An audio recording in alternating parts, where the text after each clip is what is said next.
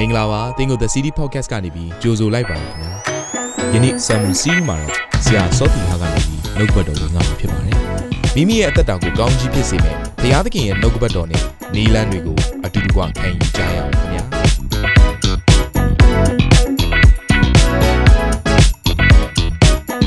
အားလုံးကိုခရစ်တော်ရဲ့နာမအဖြစ်နှုတ်ဆက်ပါတယ်ရှလုံဘုရားခင်ညီသက်ချင်းသည်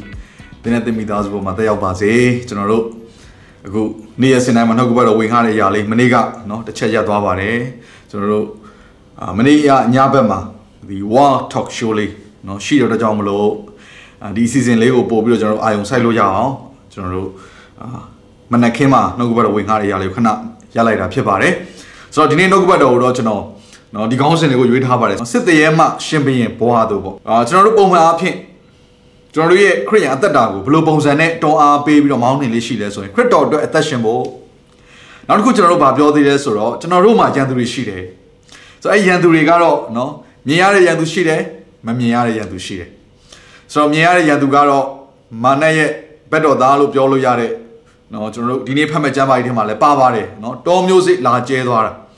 ဆိုတော့မြင်ရတဲ့ရန်သူရှိတယ်မမြင်ရတဲ့ရန်သူရှိတယ်ဆိုတော့မမြင်ရတဲ့ရန်သူကတော့ကျွန်တော်တို့မာနဖြစ်တယ်ကောင်းကင်နတ်ဆိုးတွေ ဒါကျွန်တော်တို့အေဖက်ခန်းကြီး6ကိုဖတ်ကြည့်မယ်ဆိုရင်အားလုံးသိမှာပါ principalities เนาะဒါကောင်းကင်နဲ့ဆိုင်တဲ့အခွင့်အာဏာတွေနဲ့ကျွန်တော်တို့တိုက်လှန်ရတာဖြစ်တယ်ဒါဆိုရင်မမြင်ရတဲ့ရန်သူနဲ့တိုက်လှန်ရတဲ့အဓိက battlefield လို့ခေါ်တဲ့စစ်မြေပြင်စစ်မြေပြင်ကဘာမှလဲကျွန်တော်တို့ရဲ့အတွေးခေါ်ထဲမှာဖြစ်တယ်ဆိုတော့ကျွန်တော်တို့ရဲ့အတွေးခေါ်ထဲမှာအာရန်သူမာနဟာလာပြီးတော့အာမကောင်းတဲ့အရာတွေစိတ်တကြမှုတွေကျွန်တော်တို့ကိုအားနည်းစေမဲ့အရာတွေနဲ့လာပြီးတော့တိုက်ခိုက်လေးရှိတယ်အဲပြန်ပြီးတော့တိုက်ခိုက်နိုင်တဲ့အရာကဘာလဲဆိုရင် ကျမ်းစာထဲမှာပြောထားတယ်နှုတ်ကပတ်တော်ဒီဟူသောဝိညာဉ်တော်ကြီးဓာတ်တဲ့ဆိုတော့နှုတ်ကပတ်တော်အဲ့တော့ကျွန်တော်တို့ရဲ့ battlefield လို့ပြောတဲ့စစ်မြေပြင်ဖြစ်တဲ့အတွေးခေါ်ထဲမှာပြန်ပြီးတော့ရန်သူကိုတိုက်လှန်လို့ရတဲ့အရာကဘာလဲဆိုရင်ဘုရားခင်နှုတ်ကပတ်တော်ဖြစ်တယ်ဆိုတော့နှုတ်ကပတ်တော်ဘာနဲ့ခိုင်းနိုင်ထားဆိုဓာတ်နဲ့ခိုင်းနိုင်ထားတယ်ကဲဒီဟာလေးကိုကျွန်တော်တို့ကြည့်လိုက်မယ်ဆိုရင်เนาะကျွန်တော်တို့ကိုစစ်သားတွေအနေနဲ့နော်ပြောဆိုတဲ့အရာလေးကိုတွေ့ရပါတယ်နော်တကူချင်းစီဖတ်ကြည့်မယ်ဆိုရင်အဲ့ခေတ်ကတော့က ယောမစစ်သားတွေရဲ့အဝတ်တစားတွေကိုကျွန်တော်တို့ဝิญဉ်ပိုင်းဆိုင်ရာနဲ့သူကနော်ခိုင်းနိုင်ပြီးတော့ချက်ဝတ်တစားတွေကိုရေးပေးထားတာကိုတွေ့ရလိမ့်မယ်အဲ့ထက်မှာ attacking ဆိုတဲ့ပြန်ပြီးတော့တိုက်ခိုက်လို့ရတဲ့လက်နက်ကတော့နှုတ်ကပတ်တော်ရဲ့ဒါပြကျန်တာကတော့ကျွန်တော်တို့ကိုယ့်ကိုကွဲကားတဲ့အရာတွေဖြစ်တယ်နောက်တစ်ခုကပေါလုကနော်သူ့ရဲ့အာချစ်သားသူ့ရဲ့တပည့်ဖြစ်တဲ့တိမောသေကိုတိမောသေဩရာဆိုဒုတိယဆောင်အခန်းကြီး1မှာဗာပြောထားလဲဆိုတော့စစ်သားတယောက်လို့နော်မိမိကိုယ်ကိုပြင်ဆင်ဖို့ဆိုတဲ့အရာလေးကိုတိုက်တွန်းထားတဲ့အရာကိုတွေ့ရတယ် နော်ကျွန်တော်တို့အာနှစ်တိခန်းကြီးအာနှစ်ကိုကြည့်လိုက်မယ်ဆိုရင်နော်စစ်သေးတယောက်ရဲ့ပြင်ဆင်မှုမျိုးရှိဖို့စစ်သေးတယောက်ဆိုတာကမိမိကိုခန့်ထားသောသူကိုကျင့်တဲ့စေဖို့ရန်အလို့ငါလောကီအမှုရေးနဲ့နော်ပြောင်းနှံရှုပ်ထွေးခြင်းကိုပယ်ရှားတတ်တယ်ဆိုတော့ဒီလောကမှာရှိပေမဲ့လည်းဒီလောကရဲ့နီးလန်းနေနဲ့အသက်မရှင်မဲနဲ့မိမိကိုယ်ကိုတန်ရှင်သောသက်တာမိမိကိုယ်ကိုကဝิญဉ်ပိုင်းဆိုင်မှာရန်သူကိုပြန်ရင်ဆိုင်နိုင်တဲ့နော်အင်အားနဲ့ပြေဝသောအသက်တာယုံကြည်ခြင်းရှိတဲ့အသက်တာပြောမှဆိုဒါရင့်ကျက်သောခရိယန်အသက်တာကိုသူကပြောနေတာဖြစ်တယ် အဲ့တော့ဒါကျွန်တော်တို့ပုံမှန်အားဖြင့်နော်ခရိယန်အသက်တာမှာစစ်တရေစစ်တရေဖြစ်တယ်ဆိုတဲ့အရာကိုပို့ပြီးတော့တွန်းအားပေးပြီးတော့အာဒါနှုတ်ကပတ်တော်တွေကိုသင်ကြားပေးလေးရှိတယ်နော်လေ့ကျင့်ပေးရရှိတယ်ဒါပေမဲ့ဒီနေ့မှာတော့ဒီနေ့ဒီနေ့မှာတော့ကျွန်တော်လေ့လာမယ့်နှုတ်ကပတ်တော်ကတော့နောက်ထပ်အဆင့်တစ်ခုကိုကျွန်တော်တို့ဖွင့်ပြချက်ဖြစ်ပါတယ်နောက်ထပ် level တစ်ခုကိုသွားဖို့ရှိပါသေးတယ်ဆိုတာကိုဒီနေ့လေ့လာမယ့်ကျမ်းစာဖြစ်တယ်နောက်ထပ်တစ်ဆင့်ကဘာလဲဆိုရင်စစ်သားမဟုတ်တော့ဘူးရှင်ပြန်ဖြစ်သွားပြီကဲဒါဆိုရင်စစ်သားတယောက်က ပုံမှန်အဖြစ်စစ်တိုက်တဲ့ခါမှာအဝတ်တစားတွေဆော့ဆော့ကအေးဖက်ခန်းကြီး6ထပ်မှာပြောတဲ့အဝတ်တစားတွေကိုဝစ်စင်ုံသားမကရန်သူကိုပြန်တိုက်ခိုက်နိုင်တဲ့နှုတ်ကပတ်တော်ဒီဟူသောဓာတ်ကိုကင်ထားတယ်ဆိုတော့ဒါရန်သူတိုက်တဲ့ဓာတ်ပေါ့နော်ဒီဓာတ်အဖြစ်ချိန်မုံနိုင်တယ်ပြောမှဆိုရင်အတွေးခေါ်ထဲမှာမာနက်ကဘလောက်ပဲကျွန်တော်တို့ရဲ့အတွေးခေါ်ထဲမှာမျိုးစေ့တွေလာချလာချကျွန်တော်တို့ကိုစိတ်တက်ကြအောင်ဘလာဘာတွေပဲလာပြောလာပြောအနှုတ်လက္ခဏာနဲ့ဆိုင်တဲ့အရာတွေနော်စိတ်အားငယ်စေမဲ့အရာတွေကဲရမှုတွေဝေဖန်ဖြစ်တည်မှုတွေဒီအတွေးထဲမှာဘလောက်ပဲခြားခြားလဲနေပါစေ နှုတ်ကပတ်တော်နဲ့ပြည့်နေတဲ့လူတယောက်ကိုမာနက်ကလာပြီးဖြတ်စည်းလို့မရတဲ့အပြင်အဲနှုတ်ကပတ်တော်ကိုပြန်လည်ပြီးတော့အသုံးပြုပြီးတော့အသက်ရှင်တဲ့ခါမှာမာနဟာကျွန်တော်တို့ကိုဘလို့မှထိခိုက်လို့မရတဲ့အပြင်သူ့ပါသူ့ရဲ့နီလန်းတွေအားလုံးမှာဆုံးရှုံးရတဲ့အခြေအနေကိုရောက်ပါတယ်ကဲဒါဆိုစစ်သားတယောက်ဟာနော်သူ့ရဲ့နော်သူ့မှာရှိတဲ့အခွင့်သူ့မှာရှိတဲ့အစွမ်းတတ္တိပေါ့နော်သူလှုပ်ဆောင်နိုင်တဲ့အရာကိုဘာအဖြစ်ပေါ်ပြလို့ရလဲဆိုရင်စောစောကပြောတဲ့စစ်ဝတ်တစားတွေပြင်လက်နက်ဒီဟူသောဓာတ်နဲ့ပေါ်ပြလို့ရသလိုပဲရှင်ဘရင်လို့ပြောလာပြီဆိုရင် ရှင်ဘရင်တယောက်မှာအခွင့်အာဏာရှိတယ်ရှင်ဘရင်တယောက်ဆိုတာသူ့မှာအစွမ်းတတ္တိရှိတယ်သူကစစ်သားနဲ့မတူတော့ဘူးနော်သူဟာအရာခတ်သိမ်းကိုအုပ်ဆိုးတော်သူဖြစ်တယ်တိုင်းနိုင်ငံပေါ်မှာသူစကားတစ်ခုပြောရင်အတီဖြစ်တယ်နော်သူရဲ့အမိတ်သူဖြစ်ချင်သမျှအားလုံးဖြစ်လာတယ်နောက်သူ့ရဲ့ရှီခြင်းဟာတိုင်းပြည်အတွက်လုံခြုံခြင်းဖြစ်တယ်နော်သူ့ရဲ့အုပ်ဆိုးနိုင်ခြင်းဟာတိုင်းပြည်အတွက်ငြိမ်းချမ်းခြင်းဖြစ်တယ်ဆိုတော့ဒီရှင်ဘုရင်ကကျတော့စစ်တိုက်ဆရာမလို့တော့ပြောရမှာဆိုရင်ဒီရှင်ဘုရင်က နော်ဟိုအသေးစိတ်ကိစ္စတွေလုံးဆရာမလို့တော့ဘူးစစ်သားတယောက်ချက်ဝတ်တစားလေးနဲ့တခါလက်နက်ကိုဆွဲကင်နေဆိုတဲ့အရာတွေကလည်းအဲ့လောက်ကြီးလုံးဆရာမလို့ပဲနဲ့ရှင်ဘရင်ကသူ့ရဲ့နန်းတော်ပေါ်မှာထိုင်နေရင်းနဲ့ကိုသူ့ရဲ့အခွင့်အာဏာနဲ့အစွမ်းတကိုးတွေဟာအဲသူ့ရဲ့တိုင်းနိုင်ငံနယ်နိမိတ်အကုန်လုံးထိတက်ရောက်တယ်ဆိုတော့ကျွန်တော်တို့ဒါနားလဲရတယ်ပလင်တော်မှာဖြစ်တယ်သူကပလင်ပေါ်မှာထိုင်ပြီးတော့အုပ်ဆိုးခြင်းအခွင့်အာဏာကိုလောက်တာဖြစ်တယ်ဆိုတော့ rule အင်္ဂလိပ်လိုဆိုရင် R U L E rule နော်သူက သူရဲ့ဩဇာတက်ရောက်ခြင်းဆိုတဲ့အရာကိုပလင်ပေါ်ကနေလှုပ်ဆောင်နေတာဖြစ်တယ်ဆိုတော့ကျွန်တော်တို့ယုံကြည်သူတွေမှာကျွန်တော်တို့နော်ဘုရားသခင်နှုတ်ကပတ်ကျမ်းစာတွေမှာပြောပြတဲ့အခါမှာကျွန်တော်တို့ယုံကြည်သူရဲ့ရစ်ချက်ခြင်းကအဆင့်လေးရှိတယ်ဆိုတော့ကျွန်တော်တို့ကဒီလိုမျိုးပြောလေးရှိတယ်နော်ငါခရစ်ယာန်ဖြစ်ပြီပဲငါယေရှုခရစ်တော်ကိုမိမိရဲ့ကယ်တင်ရှင်နဲ့အရှင်သခင်ဖြစ်ယုံကြည်လက်ခံပြီးပြီပဲသင်ငါကောင်းကင်ဘုံရောက်မယ်ဆိုပြီးကျင့်တတ်နေတဲ့အုပ်စုတစုရှိတယ်ကျင့်တတ်နေတဲ့ယုံကြည်သူတွေရှိတယ်ယုံကြည်သူရဲ့အသက်တာမှာဝိညာဉ်ရေးရမှာကျွန်တော်ဒီဒီစကားလေးကိုခဏခဏပြောပါတယ်ဝိညာဉ်ရေးရမှာ ရက်တက်နေဆိုတာမရှိဘူးဝိညာဉ်ရေးရမှာရက်တက်နေလို့ကိုကိုကိုထင်နေငါမတိုးတက်တော့ဘူးလို့ထင်နေအဲ့ဒါကြာဆင်းနေတာဝိညာဉ်ရေးရမှာနှစ်ခုပဲရှိတယ်တိုးတက်နေသလားဒါမှမဟုတ်ကြာဆင်းသွားလားဆိုတော့ငါကယေရှုကိုရပြီဆိုတာလောက်နဲ့ရက်နေတယ်ဆိုရင်တော့သင်ရဲ့ဝိညာဉ်ရေးရာကတခါလဲကြာဆင်းနေမှာပဲနောက်ဆုံးမှာဘုရားသခင်ကိုပြန်လဲပြီးတော့ညှင်းဆန်တဲ့အထိအဲ့လောက်ထိဖြစ်ဖြစ်ကောင်းဖြစ်သွားနိုင်တယ်။ဘာကြောင့်လဲ။ဂျန်သူကအမြဲတမ်းကျွန်တော်တို့ကိုဖျက်ဆီးဖို့နော်စောင့်နေတာကျွန်တော်တို့ကိုတတ်ဖို့နော်ကျွန်တော်တို့ကျွန်တော်တို့ရဲ့အသက်တာဘုရားသခင်နဲ့ နော်တာရွေးတိုးဝင်ခြင်းမရှိဖို့ရန်အတွက်သူကသူ့ရဲ့နီလန်းဆုံနဲ့လှုပ်ဆောင်နေသူတပြိုင်နက်တည်းမှာကိုယ့်ရဲ့အတွင်းထဲမှာနော်မရင်ချက်ခြင်းနော်အားမရှိခြင်းနော်ကိုကိုနော်ဟိုနှုတ်ကပတ်တော်ထဲမှာမတိဆောက်ခြင်းနောက်မိသားဖွဲ့ခြင်းထဲမှာမတိဆောက်ခြင်းစသဖြင့်ကိုကနော်တပြိုင်နက်တည်းမှာအပြင်ကလာတဲ့စုံစမ်းနောက်ရှက်မှုတွေကရှိသေးတယ်ဆိုတော့ကိုယ့်ရဲ့အတွေးခေါ်နဲ့ပေါင်းလိုက်တဲ့အခါမှာလူဟာကြာဆင်းဖို့ရန်အကြောင်းပဲရှိတယ်ဒါကြောင့်မလို့ခရိယန်အသက်တာကတဆင်ပြီးတဆင့်အရှိကိုသွားရတဲ့အသက်တာဖြစ်တယ် တက်လှမ်းရတဲ့အသက်တာဖြစ်တယ်ဒါဆိုရင်ကျမ်းစာထဲမှာဝိညာဉ်ရေးရနဲ့ပတ်သက်ပြီးတော့နော်ရစ်ချက်ချင်းအဓိက၃မျိုးကိုဖော်ပြထားတယ်ပထမတစ်ခုကဘာလဲဆိုရင်ခလင်းငယ်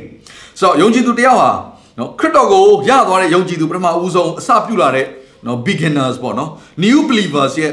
အသက်တာထဲမှာကြတော့သူကကျမ်းစာထဲမှာဘယ်လိုဖော်ပြလဲဆိုရင်နှုတ်ငယ်တဲ့အသက်တာခလေးလေးအသက်တာတဲ့ဆိုတော့ baby တယောက်ကိုကျွန်တော်ပြုစုမယ်ဆိုရင်မွေးကစားမွေးကင်းမွေးကင်းစားခလေးလေးကိုပြုစုမယ်ဆိုရင်ဘာလုပ်ရလဲနှုတ်တိုက်ရတယ် နော်သူကတဖြည်းဖြည်းနဲ့နှုတ်ကနေပြီးတော့အစားအစာတွေပြောင်းရင်းကနေပြီးတော့နောက်ဆုံးမှလူကြီးစားနိုင်တဲ့အစားအစာကိုစားလာပြီးတော့သူ့ရဲ့အသက်တာတဖြည်းဖြည်းနဲ့ရင့်ကျက်ခြင်းဆိုတဲ့အရာကိုရှိလာတယ်ဒါကကျွန်တော်တို့အပြင် physical ဘိုင်းမှာစဉ်းစားလိုက်မယ်ဆိုရင်လည်းဒါကိုတွေ့ရတယ်။ဝင်ခြင်းရမှာလည်းဒီသဘောပဲဖြစ်ပါတယ်။ကျွန်တော်တို့ကခရိယန်အသက်တာမှာတငယ်ဘဝမှာရက်နေလို့မရဘဲနဲ့လူပြိုရွယ်နောက်ထပ်တစ်ဆင့်ကလူပြိုရွယ်နောက်နောက်နောက်ထပ်တစ်ဆင့်ကဘာလဲဆိုတော့ဖခင်ရွယ်ခရိယန်အသက်တာမှာဘုရားသခင်ဘယ်အထိရောက်စေခြင်းလဲဆိုရင်ဖခင်ရွယ်အထိရောက်စေခြင်းတယ် ဆိုတော့လူပြိုရွယ်ရောက်ပြီဆိုရင်လည်းသူကမာနက်ကိုတွန်းလှန်နိုင်ပြီအာဗြဟံနဲ့ဣဇက်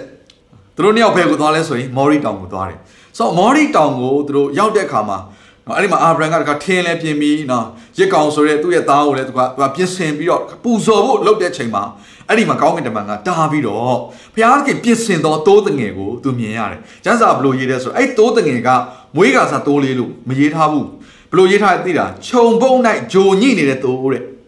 ဆိုတော့တိုးတွေအကြောင်းကိုလေ့လာရင်ဘာတွေ့ရလဲဆိုရင်ဂျိုကဘယ်အချိန်လောက်မှစထွက်လဲဆိုရင်တနှစ်သားအရွယ်မှာစထွက်တာ။အဲ့တနှစ်သားမပြည့်ခင်ထိကသူကဘာလဲဆိုတိုးတသေးလေးမွေးကစား။ဒါပေမဲ့အဲ့ဒီသူကတစ်နှစ်သားအရွယ်ဆိုရင်ဂျိုထွက်ပြီးဆိုရင်ပြောမှဆိုရင်ကျွန်တော်တို့ရဲ့ဆွဆွကျွန်တော်ပြောခဲ့တဲ့ဝิญဉ်ရေးရာနဲ့ခိုင်းနိုင်လိုက်မယ်ဆိုရင်အဲ့ဒါသူကဝิญဉ်ပိုင်းဆိုင်ရာမှာလူပြိုရွယ်ဖြစ်တယ်။ အဲကြောင့်ကျွန်တော်တို့ယေရှုခရစ်တော်ကိုတိုးတငယ်လို့ကျွန်တော်တို့ပြောလေးရှိကြတယ်။လက်ဝါးကားတဲ့ပုံမှာအသေးခံတဲ့တိုးတငယ်ဆိုမွေးကမွေးကင်းကစားတိုးတငယ်လေးကိုပြောတာမဟုတ်ဘူး။အရွယ်ရောက်ပြီးသား။ဆိုတော့လူငယ်တဲ့လူတယောက်ရဲ့အသက်တာကနေဖခင်ကသူ့ရဲ့ဖြစ်ချင်းအလုံးစုံထင်ရှားဥစ္စာဘယ်လိုမှမဖြစ်နိုင်ပေမဲ့ရင့်ကျက်ချင်းစီကိုတက်လှမ်းနေတဲ့ယုံကြည်သူတယောက်ရဲ့အသက်တာမှာတော့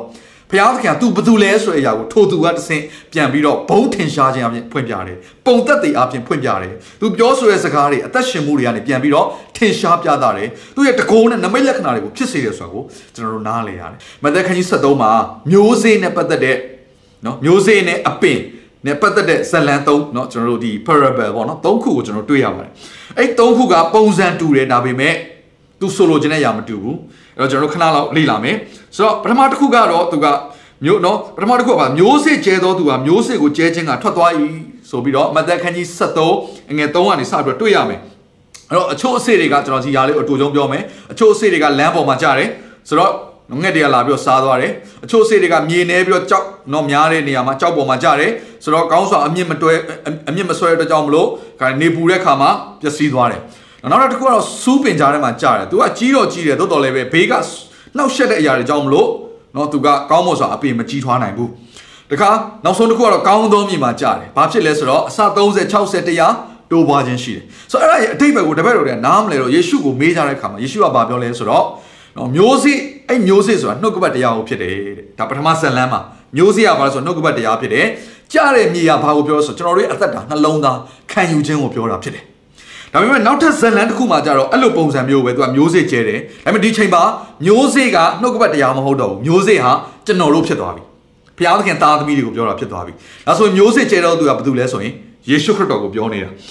အဲ့တော့အဲ့ဒါကတော့ဘာမှရှိလဲဆိုအငယ်24မှာရှိတယ်ခန်းကြီးအတူတူပဲအခြားသောဥပမာစကားကိုမိတ်မွတ်တော်မူသည်ကကောင်းကင်နိုင်ငံတော်သည်ကောင်းသောမျိုးစေ့ကိုလယ်၌ကျဲသောသူနှင့်တူ၏လူတို့သည်အိပ်ပျော်သောအခါရန်သူသည်လာ၍ကောင်းသောစပါးနှင့်လက္ခဏာတူသော တောမျိုးစေ့ကိုစပါးအထဲ၌ကျဲရသွားလေဆိုတော့ဒီဇလန်လေးအဆုံးထိဖတ်လိုက်မယ်ဆိုရင်ဒီဇလန်ကိုတပည့်တော်လည်းနားမလည်ဘူးအဲ့တော့ယေရှုကပြန်ရှင်းပြတယ်ရှင်းပြတဲ့အခါမှာဘယ်လိုပြောလဲမျိုးစေ့ဟာတဲ့နော်မျိုးစေ့ကျဲတယ်ဆိုတော့ဘုရားသားသမီးတွေကိုဒီလောကနော်လဲဆိုတာဒီလောကဖြစ်တယ်တဲ့အဲ့ဒီလောကထဲမှာဘုရားရဲ့သားသမီးတွေကိုနော်နေရာချခဲ့တာဖြစ်တယ်ဒါပေမဲ့အဲ့နေတဲ့အချိန်မှာတဲ့ရန်သူကအဲ့ဒီဘုရားသခင်ကျဲချခဲ့တဲ့မျိုးစေ့နဲ့အလားတန်တူတဲ့တောမျိုးစေ့ကိုလာကျဲသွားတယ်တဲ့ ဆိုတော့အချိန်တန်တဲ့ခါကျတော့ तू ကတဖြည်းဖြည်းနဲ့အပင်တွေပေါက်လာတဲ့ခါကျတော့ तू ကပုံစံတူဖြစ်နေတယ်အဲ့ဒါနဲ့နော်အလုပ်လုပ်တဲ့လူတွေကတခါတည်းဒီတောပင်တွေကိုရွေးပြီးတော့ဖယ်ရမလားလို့ပြောတဲ့ခါမှာမဖယ်နဲ့တဲ့ရောပြီးတော့ကောင်းတဲ့အပင်တွေပါသွားမှာစိုးတယ်ဆိုတော့တရားမစီရင်သေးဘူးပေါ့ဒါပေမဲ့နောက်ဆုံးမှာပြောမှဆိုရင်သူတို့အတူကြီးပွားပါစေအတူအတူနော်ဘယ်လိုပြောဆိုစပားရိတ်တိကာလတိုင်အောင်အပင်နှမျိုးတို့သည်အတူကြီးပွားပါလေစေစပားရိတ်တိကာလရောက်ရင်တောပင်တို့ကိုရှေးဥစွာရွေးနှုတ်၍ မိရှို့ခြင်းကစီးနှောင်ကြလော့စပားကိုကကြည်၌စုသိမ်းထားကြလော့ဟုရိတ်တော်သူတို့အားငါစီရင်မည်ဟုအရှင်ဆိုသည်ဟုမိန်တော်မူ၏ဆိုတော့ဒီဇလန်လေးမှာနောက်ဆုံးမှာတရားစီရင်ခြင်းကိုရောက်လာတဲ့အခါမှာပုံစံတူကဲအဲ့တော့ဒီဇလန်လေးအဖြစ်ပါဒီသိရတယ်ဒီလောကကြီးမှာယုံကြည်သူတွေနဲ့ပုံစံတူပုံစံတူတဲ့လူတွေအများကြီးရှိတယ်။အကြောင်းမလို့ဘသူကယုံကြည်သူအစ်စ်လဲဘသူကတော့တနေ့ကျရင်ကောင်းကင်ဘုံရောက်မလဲဆိုတော့ကျွန်တော်တို့အခု ခေတ်မှာညင်းညင်းဆိုနေကြတဲ့ကဲတညင်းဆုံးရှုံးတာတွေကဲတညင်းရတဲ့ຢာတွေအားလုံးကိုဆုံးဖြတ်ပေးမဲ့လူတယောက်ပဲရှိတယ်။အဲ့ဒါဘုရားသခင်ဖြစ်တယ်။ဘာကြောင့်လဲ။အားလုံးကပုံစံတူတွေခွဲလို့မရဘူး။ခွဲလို့မရဘူး။တနေ့ကျရင်အခုချိန်ကြည့်လိုက်တဲ့ဘုရားတို့စိတ်အားကြီးတဲ့ပုံစံတော့ပေါက်ကောင်းပေါင်းနိုင်တယ်။အချို့တွေကနမိတ်လက္ခဏာပြတဲ့လူတွေတောင်ရှိကောင်းရှိနိုင်တယ်။ဒါပေမဲ့ဘသူကစစ်မှန်တဲ့ယုံကြည်သူလဲဆိုတဲ့အရာကတော့ တရားသူကြီးဖြစ်တဲ့ဘုရားခင်ကိုယ်တိုင်ဆုံးဖြတ်မယ်ဒီနေ့ကျွန်တော်အားလုံးသူ့ရှိမှမတည့်ရရမယ်အဲ့ချိန်ကျရင်အရင်ဆုံးရွေးပြီးတော့စီးနှောင်ပြီးတော့မိရှို့တယ်ဆိုတဲ့ဒီငရဲမှာတရားစီရင်ခြင်းပေါ့နော်ဘုရားခင်တရားစီရင်ခြင်းပထမအဆုံးခံရမှာဘယ်သူတွေလဲဆိုရင်စောစောကပြောတယ်အယောင်ဆောင်တဲ့သူတွေဖြစ်တယ်ညီကောင်မောင်တို့တို့အဲ့ဒါဒီမမြင်ရတဲ့ရန်သူကိုပြောတာမဟုတ်ဘူးမြင်ရတဲ့ရန်သူတွေကိုပြောတာလူတွေကိုပဲပြောတာဒါကြောင့်လူသားထဲမှာပဲလေအခုကျွန်တော်တို့အသက်ရှင်နေတဲ့အချိန်မှာပဲနေကျွန်တော်သိထားမယ့်အရာတစ်ခုကဘာလဲဆိုရင်အမြင်နဲ့ဒါ နော်ပါနဲ့ရမယ့်အရာတစ်ခုကဘာလဲဆိုကျွန်တော်တို့တဲ့ပုံစံတူခရိယန်တွေအများကြီးရှိတယ်ယုံကြည်သူပုံစံတူခရိယန်တွေရှိတယ်လူတွေပဲမာနကိုပြောတာမဟုတ်လူတွေပဲကျွန်တော်ပြောမယ်ကျွန်တော်တို့ရဲ့အသက်တာကိုဘုရားသခင်ကအသုံးပြုနိုင်တယ်မလားအထဲမှာနှုတ်ကပတ်တော်မျိုးစေ့ကိုကျဲပြီးတော့အသက်တာကို transform ပြောင်းလဲခြင်းဆိုတဲ့အရာကိုဖြစ်ပြီးတော့ခရစ်တော်ရဲ့စိတ်သဘောနဲ့ဘုရားကကျွန်တော်တို့ကိုအသုံးပြုနိုင်တယ်ဆိုရင်မာနတည်လဲလူတွေထဲမှာနော်သူ့ရဲ့လူတွေကိုရွေးချယ်ပြီးတော့ဒီခါလေပုံစံတူဖြစ်အောင်နော်သူတို့ရဲ့အသက်တာထဲမှာမကောင်းတဲ့မျိုးစေ့တွေထည့်ပြီးတော့ မကောင်းတဲ့အရာတွေမာနရဲ့သဘောတွေနဲ့ပြည့်နေနေပြီးတော့အသက်ရှင်စေတဲ့နော်ခရိယန်တွေအများကြီးရှိနိုင်တယ်ကျမ်းစာကဒီလိုပဲပြောတယ်ပုံစံတူတွေဖြစ်တယ်ဒါကြောင့်မလို့အခုချိန်မှာဘယ်ဟာကတော့ယုံကြည်သူအစ်စ်ဘယ်ဟာကတော့နော်ခရိယန်အတုဆိုပြီးတော့မခွဲနဲ့တဲ့သူကယောပြီးပါသွားစရာအကြောင်းရှိတယ်တနေ့ကျမှဘုရားသခင်စီရင်မယ်ဆိုတဲ့အရာကိုတွေ့ရတယ်ကဲနောက်ထပ်တစ်ခုနောက်ဆုံးတစ်ခုကတော့ဒီမျိုးစေ့လေးကျဲတဲ့ခါမှာတဲ့နော်အငယ်31မှာရှိတယ်ဥပမာစကားကိုမိတ်မွတ်တော်မူသည်ကကောင်းကင်နိုင်ငံတော်သည်လယ်၌စိုက်သောမုံညင်းစေနှင့်တူ၏ မုံညင်းစေသည်အစေတကာတို့ထက်ငယ်တော်လဲကြီးပွားသောအခါမြက်ပင်တကာတို့ထက်ကြီးသဖြင့်မိုးကောင်းကင်ငှက်တို့သည်လာ၍အကိုင်းခက်တို့၌နားနေမိခိုလောက်သောအပင်ဖြစ်တတ်သည်ဟုမိန်တော်မူ၏ဒီမျိုးစေ့ကြတော့သူကတမျိုးထူခြားသွားပြန်ပြီဒီမျိုးစေ့ဒီလဲကျွန်တော်တို့ဘသူ့ကိုပြောရလဲဆိုရင်ကျွန်တော်တို့ကိုပဲပြောတာဖြစ်တယ်ဘုရားရှင်သားသမီးတွေကိုပြောတာဖြစ်တယ်ဒီချိန်မှာတော့ဒီမျိုးစေ့ကအပင်ပေါက်ယုံမှမဟုတ်တော့ဘူးအသီးသီးယုံမှမဟုတ်တော့ဘူးငှက်အပေါင်းက နားခိုရတဲ့ကြီးပွားသောအပင်ဖြစ်သွားတယ်အရေးရမယ်အသီးနဲ့ထွက်မယ်သူတစ်ပါးအတွက်မှီခိုစရာကောင်းတဲ့နော်လုံကြုံရာနော်ကွဲကာရာပြောရမယ်ဆိုရင်မှီခိုစရာကောင်းတဲ့အာအရာကိုရမယ်ဆိုတော့ဘာကိုပြောနေတာလဲဆိုတော့တာမန်ယုံကြည်သူကိုပြောတာမဟုတ်တော့ဘူးစစ်တရေအစ်စ်ကိုလည်းပြောတာမဟုတ်တော့ဘူးတကယ်ကိုဘုရားရှင်အခွင့်အာဏာနဲ့အုပ်ဆိုးပြီးတော့သူ့ရဲ့အခွင့်အာဏာကြောင့်မလို့သူ့ရဲ့ဖြောင့်မတ်ခြင်းကြောင့်မလို့ နော်သူဖျားဘက်ကနေရက်တီခြင်းနဲ့ဖျားပေးတဲ့တကိုးအခွင့်အာဏာတွေကိုတကယ်သုံးနိုင်တဲ့လူဖြစ်တဲ့ကြောင့်မလို့သူ့ရဲ့ဥဆောင်မှုအောင်မှာအဲ့ဒီအဲ့ဒီယုံကြည်သူတယောက်ရဲ့ leadership နော်ဖျားအမှုတော်ဆောင်အဲ့ဥဆောင်မှုအောင်မှာဒါကတော့ကျွန်တော်ပြောမှာရှင်ဘီရင်လည်းဖြစ်နိုင်တယ်စီးပွားရေးသမားလည်းဖြစ်နိုင်တယ်နိုင်ငံရေးသမားလည်းဖြစ်နိုင်တယ်ကျွန်တော်အမှုတော်ဆောင်တွေလည်းဖြစ်နိုင်တယ်ဆိုတော့ဒီအဆင့်ကတော့ဘာဖြစ်သွားပြီလဲဆိုသူတပားပြန်လဲပြီးတော့မိခိုပြီးတော့ သူ့အသက်တာအဖြစ်ကောင်းကြီးမင်္ဂလာကိုပြန်လဲဖြန့်ဝေတဲ့မျိုးစေ့ကဲ့သို့ဖြစ်သွားပြီအဲ့တော့ဘုရားသခင်ကကျွန်တော်တို့ကိုဒီနေ့ဒီနှုတ်ကပတ်တော်အဖြစ်ဒီနော်အင်တာမလှပတဲ့ဒီဇလန်းလေးပေါ့နော်ကောင်းကင်နိုင်ငံတော်ကဘယ်လိုပုံစံမျိုးလဲဆိုတဲ့ຢာလေးကိုမျိုးစေ့လေးနဲ့တခါလေးမတူတဲ့ပုံစံသုံးခုနဲ့ပေါ်ပြသွားတယ်။တော့ပထမတစ်ဆင့်ကဘာလဲဆိုတော့သင်ရဲ့အသက်တာထဲမှာနှုတ်ကပတ်တော်မျိုးစေ့ဒီကောင်းသောမြေမှာကြတော့မျိုးစေ့ကဲ့သို့သင်ဟာနှိမ်ချစွာယိုကျိုးစွာကျင်ပွားတဲ့နှလုံးသားကျွန်တော်ပြောမယ်အင်တာမကောင်းမွန်တဲ့မြေဆိုတာဘာလဲဆိုရင်ဖွထားပြီးသား မြေဖြစ်တယ်။မာကြောနေတဲ့မြေမဟုတ်ဘူး။ထုံရက်ထားပြီးသားမြေဖြစ်တယ်။နူးညံ့နေတဲ့မြေဖြစ်တယ်။တော့မြေဩဇာနဲ့ပြည့်ဝတဲ့မြေမှာသာမျိုးစေ့ကြမယ်ဆိုရင်တော့အဲ့ဒီမျိုးစေ့ကအင်တာမကြီးထွားရင့်ကျက်လာမှာဖြစ်တယ်။ပြောအသက်တာကရင့်ကျက်လာမှာဖြစ်တယ်။ဆိုတော့ခါဒီမှာကျွန်တော်တို့ဘာကြောင့်မရင်ကျက်ရလာလဲဒီလောက်ကောင်းတဲ့နှုတ်ကပတ်တော်တွေကိုကြားပြီးတော့နောက်ဆုံးသောအချိန်ကာလနဲ့ဆိုင်တဲ့တပ်သေးတွေကိုလည်းရထားပြီးသွားပြီတခါမှမမြင်ခဲ့ဘူးတဲ့ဟိုနမိတ်လက္ခဏာတွေကိုလည်းကျွန်တော်တို့ကျွန်တော်တို့ရဲ့လက်ရှိအချိန်မှာမြင်နေရပြီ ဒီအချိန်လောက်နှုတ်ကပတ်တော်ကိုကြားတဲ့အချိန်ကမ္ဘာပေါ်မှာမရှိဘူးအရင်တော့နှုတ်ကပတ်တော်ကြားဖို့ဆိုရင်သေအောင်ဆရာတယောက်ကိုယ်စီရောက်လာဖို့စောင့်ရတယ်ဘုရားเจ้าကိုသွားရတယ်အခုတော့အိမ်ကနေပြီးတော့ဒီကမ္ဘာလုံးမှာရှိတဲ့တရားဟောဆရာတွေနှုတ်ကပတ်တော်တွေကိုကြားနေရပြီဒီလောက်ဒီနှုတ်ကပတ်တော်ကျွယ်ဝတဲ့ခေတ်ကြီးမှာကျွန်တော်တို့ရဲ့အသက်တာဒီကြီးထွားရင်းချက်ချင်းမရှိဘူးဆိုရင်အဲ့ဒါဟာတင့်ရဲ့နှလုံးသားမြေကမာကြောနေတာဖြစ်နိုင်တယ်။ဒါမှမဟုတ်တင်ရစူးပင်နဲ့နှောက်ရှက်ခြင်းခံရတာဖြစ်နိုင်သလိုဒါမှမဟုတ်နှုတ်ကပတ်တော်ကိုတင်အလေးမထားတဲ့ကြောင့်မို့ရန်သူကနှုတ်ယူသွားတာလည်းဖြစ်နိုင်တယ်။ ဒါကြောင့်မို့ဒီနေ့တင့်ရဲ့နှလုံးသားဒီနူးညံ့ခြင်းတိမ်မွေ့ခြင်းနှိမ့်ချခြင်းနဲ့နှုတ်ကပတ်တော်ကိုဖျားဆေလွတ်နေတဲ့အချိန်မှာခံယူမယ်ဆိုရင်တင်ရဲ့အသက်တာဒီ transform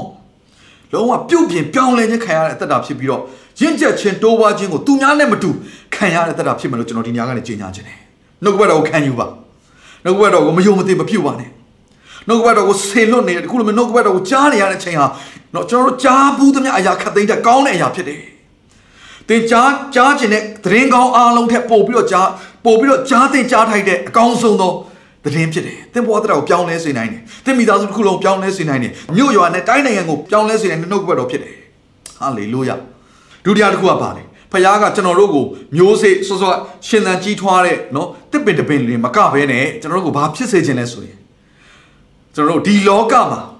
ဒီလောကမှာရှိတဲ့မာနရဲ့ဘက်တော်သားရန်သူတွေနဲ့ရင်ဆိုင်ပြီးတော့ဖခင်ရဲ့ဘုန်းကို ထင်ရှား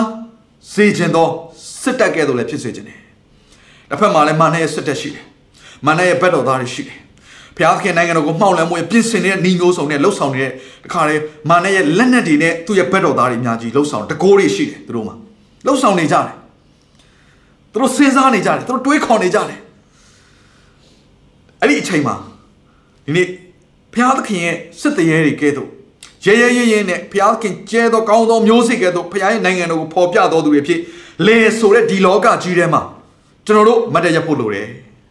မတ်တရဖို့လိုတယ်ညီကောင်တို့ဒီချိန်ကဆူတောင်းမဲ့အချိန်လည်းဖြစ်တယ်ဟာလေလုယာဒီချိန်တော့ကိုဘတ်တော်ကိုဆွဲကင်ပြီးတော့ပြန်လဲပြီးတော့တောင်းလှန်ရမယ့်အချိန်လည်းဖြစ်တယ်ပုံစံတူတွေပဲကြည့်လိုက်မယ်ဆိုဒါပေမဲ့ဒီကျွန်တော်တို့ရန်သူကိုနိုင်နိုင်တဲ့လက်နက်ကတော့နှုတ်ကပတ်တော်လက်နက်ဖြစ်တယ်မိမိကိုယ်ကိုယ်လည်းကာကွယ်ရမယ့်အရာတွေရှိတယ်နှုတ်ကပတ်တော်ဒီဟူသောဓာတ်ကိုလည်းဝိညာဉ်တော်ကြီးဓာတ်ကိုလည်းဆွဲကင်ဖို့အရန်ရေးကြည့်တယ် ဒါပေမဲ့စစ်တိုက်တဲ့ခါမှာအဲ့ဒီအေဖက်ခန်းကြီး6မှာအဲ့လောက်နဲ့ပြီးမတော့ဘူးသူကဘာဆက်ပါလဲဆိုတော့နော်ဆုတောင်းခြင်းအဖြစ်အစင်မပြတ်စိတ်နှလုံးပါလေဆုတောင်းခြင်းအဖြစ်ယုံကြည်သူတွေအတွက်တယောက်ကိုတယောက်စောင့်ရှောက်ပါဆိုဆုတောင်းခြင်းဆိုတဲ့အရာပါလာပြီဆိုတော့အတိတ်ပဲရပါလေကိုကြောင့်သူတစ်ပါးသက်သာခြင်းရဖို့ကိုကြောင့်သူတစ်ပါးကောင်းကြီးဖြစ်ဖို့ဆိုတော့ကိုစီကနေပြန်စီစဉ်သွားဖို့အရန်ရေးကြည့်တယ်။ကြောင့်ကျွန်တော်ပြောမယ်ခရိယန်ရဲ့သမိုင်းမှာကျွန်တော်တို့ခရိယန်ရဲ့သမိုင်းမှာဒီအချိန်လောက်ဒူးထောက်ပြီးတော့လက်ကိုမြှောက်ပြီးတော့ ဆုတောင်းမှုကောင်းတဲ့ချိန်မရှိတော့ဘူးမရှိတော့ဘူးကျွန်တော်ကြုံခဲ့တဲ့မြတ်ဒီလိုဒီလိုအခြေအနေမျိုးဘယ်သူဘယ်တော့မှကြုံခဲ့ဘူးလို့လေဒီလိုဒုက္ခမျိုးဒီလိုပြဿနာမျိုးဒီလိုမျိုးစီးပွားရေးပြက်ကတ်မျိုးဘယ်တော့မှကျွန်တော်တို့မကြုံခဲ့ဘူးကျွန်တော်တို့ရဲ့အသက်ရှင်တဲ့ကာလမှာကျွန်တော်တို့ရဲ့အဖေမေတွေအပါဝင်မကြုံခဲ့ဘူးအခုပထမဦးဆုံးကြုံအချိန်ကြုံရတာဒီအချိန်မှာကျွန်တော်တို့ဒီမိမိရဲ့အပြစ်များကိုဝင်ချတောင်းပန်ပြီးတော့နှိမ်ချသောနှလုံးသားနဲ့ ခါရနှုတ်ကပတ်တော်လည်းဆွဲကိုင်းနေတစ်ဖက်မှာဆူတောင်းခြင်းအဖြစ်လဲပြန်လဲပြီးတော့ရင်ဆိုင်တိုက်ခိုက်နိုင်သောအသက်တာဖြစ်ဖို့ဘုရားလိုရှိတယ်အဲ့ဒီဆူတောင်းခြင်းအရှိန်တကောနဲ့အာကြီးပြီးတော့ဘုရားရှင်နှုတ်ကပတ်တော်ဘုရားရှင်ရဲ့ဖွင့်ပြချက်တွေနဲ့တခါတည်းအခွင့်အာဏာနဲ့တကောနဲ့ပြန်လဲပြီးတော့တွန်းလှန်ခြေဖြတ်နိုင်သောသူတွေဟာဘယ်လိုလူမျိုးတွေလဲဆိုတော့ဒါမုံညင်းစိတ်ကဲ့သို့မျိုးစေ့ကြလိုက်တယ်ဒါပေမဲ့ပြန်ပြီးတော့ကြီးလာတဲ့ခါမှာတော့ငှက်တီနားလို့ရတဲ့အထိကြီးထွားတဲ့အသက်တာမျိုးဖြစ်တယ်သူတစ်ပါးအတွက်မင်္ဂလာရှိတယ် ဒီချိန်မှာမျောလင်းချက်မဲ့တဲ့လူတွေအများကြီးပဲခွန်အားပေးဖို့အကောင်းဆုံးချိန်ဖြစ်တယ်မိမိရဲ့ဥစ္စာပိုရှန်တဲ့အရာကိုဝေမျှဖို့အကောင်းဆုံးချိန်ဖြစ်တယ်။တင်းကြောင့်အခြားသောသူတွေအတွက်တတ်တာချင်းရမယ်။ကောင်းကြီးမင်္ဂလာဖြစ်မယ်။အဲ့ဒီနေရာမျိုးကိုဘုရားရှင်ကခေါ်သွားခြင်းတာဖြစ်တယ်။ကဲအဲ့တော့ကျွန်တော်တို့ဒီနေ့မှာတော့ပို့ပြီးတော့နော်ဒီနေ့အာစစ်တရဲဆိုတဲ့ဓာတ်ကနေပြီးတော့နော်ယာစလန်ဒန်ဆိုတဲ့ຢာကိုကျွန်တော်တို့နော်ဆက်လက်ပြီးတော့လေ့လာဖို့ဖြစ်တယ်။ဆိုတော့ယာစလန်ဒန်လို့ပြောလိုက်တဲ့အခါမှာဒီလန်ဒန်ဟာ နော်သူကဘာကိုလဲပေါ်ပြနေလဲဆိုရင်နော်ကျန်းစာထဲမှာကြည့်လို့တောင်ဝေးကိုလည်းပေါ်ပြနေတာဖြစ်တယ်အဲ့တော့ကျွန်တော်တို့ကတော့နော်ဒါစက်တာလို့ပြောတဲ့အခါမှာရှင်ဘရင်ကိုင်နဲ့နော်လှန်တန်ဖြစ်တယ်ကျွန်တော်တို့အခုဒီဓာတ်ပုံလေးကိုလည်းကြည့်လို့ရတယ်ဓာတ်ပုံထဲမှာနော်ဒါရှင်ဘရင်ကိုင်နဲ့လှန်တန်ဆိုတာဘယ်လိုပုံစံမျိုးလဲဆိုကျွန်တော်တွေ့ရလိမ့်မယ်ဒါပေမဲ့ကျန်းစာအရကြည့်မယ်ဆိုရင်အခုကျွန်တော်တို့မြင်ရတဲ့ဓာတ်ပုံလောက်တော့လှပတဲ့ပုံစံမျိုးလောက်ထားတာမဟုတ်ပေမဲ့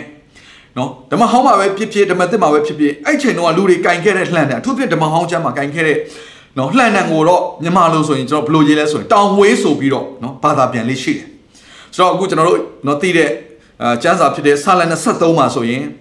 တင်မိအရေးလွှမ်းမိုးသောကြိုက်နေသူရှောက်သွားတော့လေဘေးရန်တွေကိုမကြောက်ပါအကြောင်းမူကားကိုရောသည်ကျွန်ုပ်နှင့်အတူရှိတော်မူသည်ဖြစ်၍လှန်တန်တော်နှင့်တောင်ဝေးတော်သည်အကျွန်ုပ်ကိုချမ်းသာစေပါတယ် ဆိုတော့အဲ့ဒီလှန်တန်တော်နဲ့တောင်ဝေးတော်အကြောင်းသင်နာလေကိုသိလို့ပါတယ်ဆိုတော့ဒီနှစ်ခုလုံးကဆော့ဆော့ကျွန်တော်တို့ပြောတဲ့ scepter ကိုပေါ်ပြနေတာဖြစ်တယ်ဒါပေမဲ့သိုးထိန်ဆိုတဲ့ဖျားသခင်ကကျွန်တော်တို့အသက်တာကိုလှန်တန်နဲ့တောင်ဝေးနဲ့ဘယ်လိုပုံစံနဲ့အလုပ်လုပ်လဲဆိုတာလေးကိုကျွန်တော်အခုနည်းငယ်ရှင်းပြခြင်းတယ်နော်ကျွန်တော်တို့ဒါကျွန်တော်အရင်တော့အညာမှာလည်းနေခဲ့တဲ့ခါကျတော့ဒီတိုးထိန်းတဲ့ကိစ္စတွေကိုကျွန်တော်သိသလိုကျွန်တော်အခုအာ Israel နော်အရှေ့လေပိုင်းကိုသွားတဲ့ခါမှာလည်းအဲ့မှာတိုးထိန်းနေရှိတယ်အဲ့မှာရှိတဲ့နော် guide တွေကိုကျွန်တော်တို့မေးတဲ့ခါမှာလည်းသူတို့ရှင်းပြရရတယ်ရှိပါတယ်ပထမအဆုံးတောင်ဝေးနော်တောင်ဝေးအဖြစ်ဘာလို့လဲဆိုတောင်ဝေးက နော်ဒီတိုးတွေကိုသူကတိုးအုပ်စုနဲ့သွားနေတဲ့ချိန်မှာဒီတိုးတွေကဘေးကိုဖယ်ထွက်သွားမယ်ဆိုရင်သူကလမ်းပြောင်းနိုင်တယ်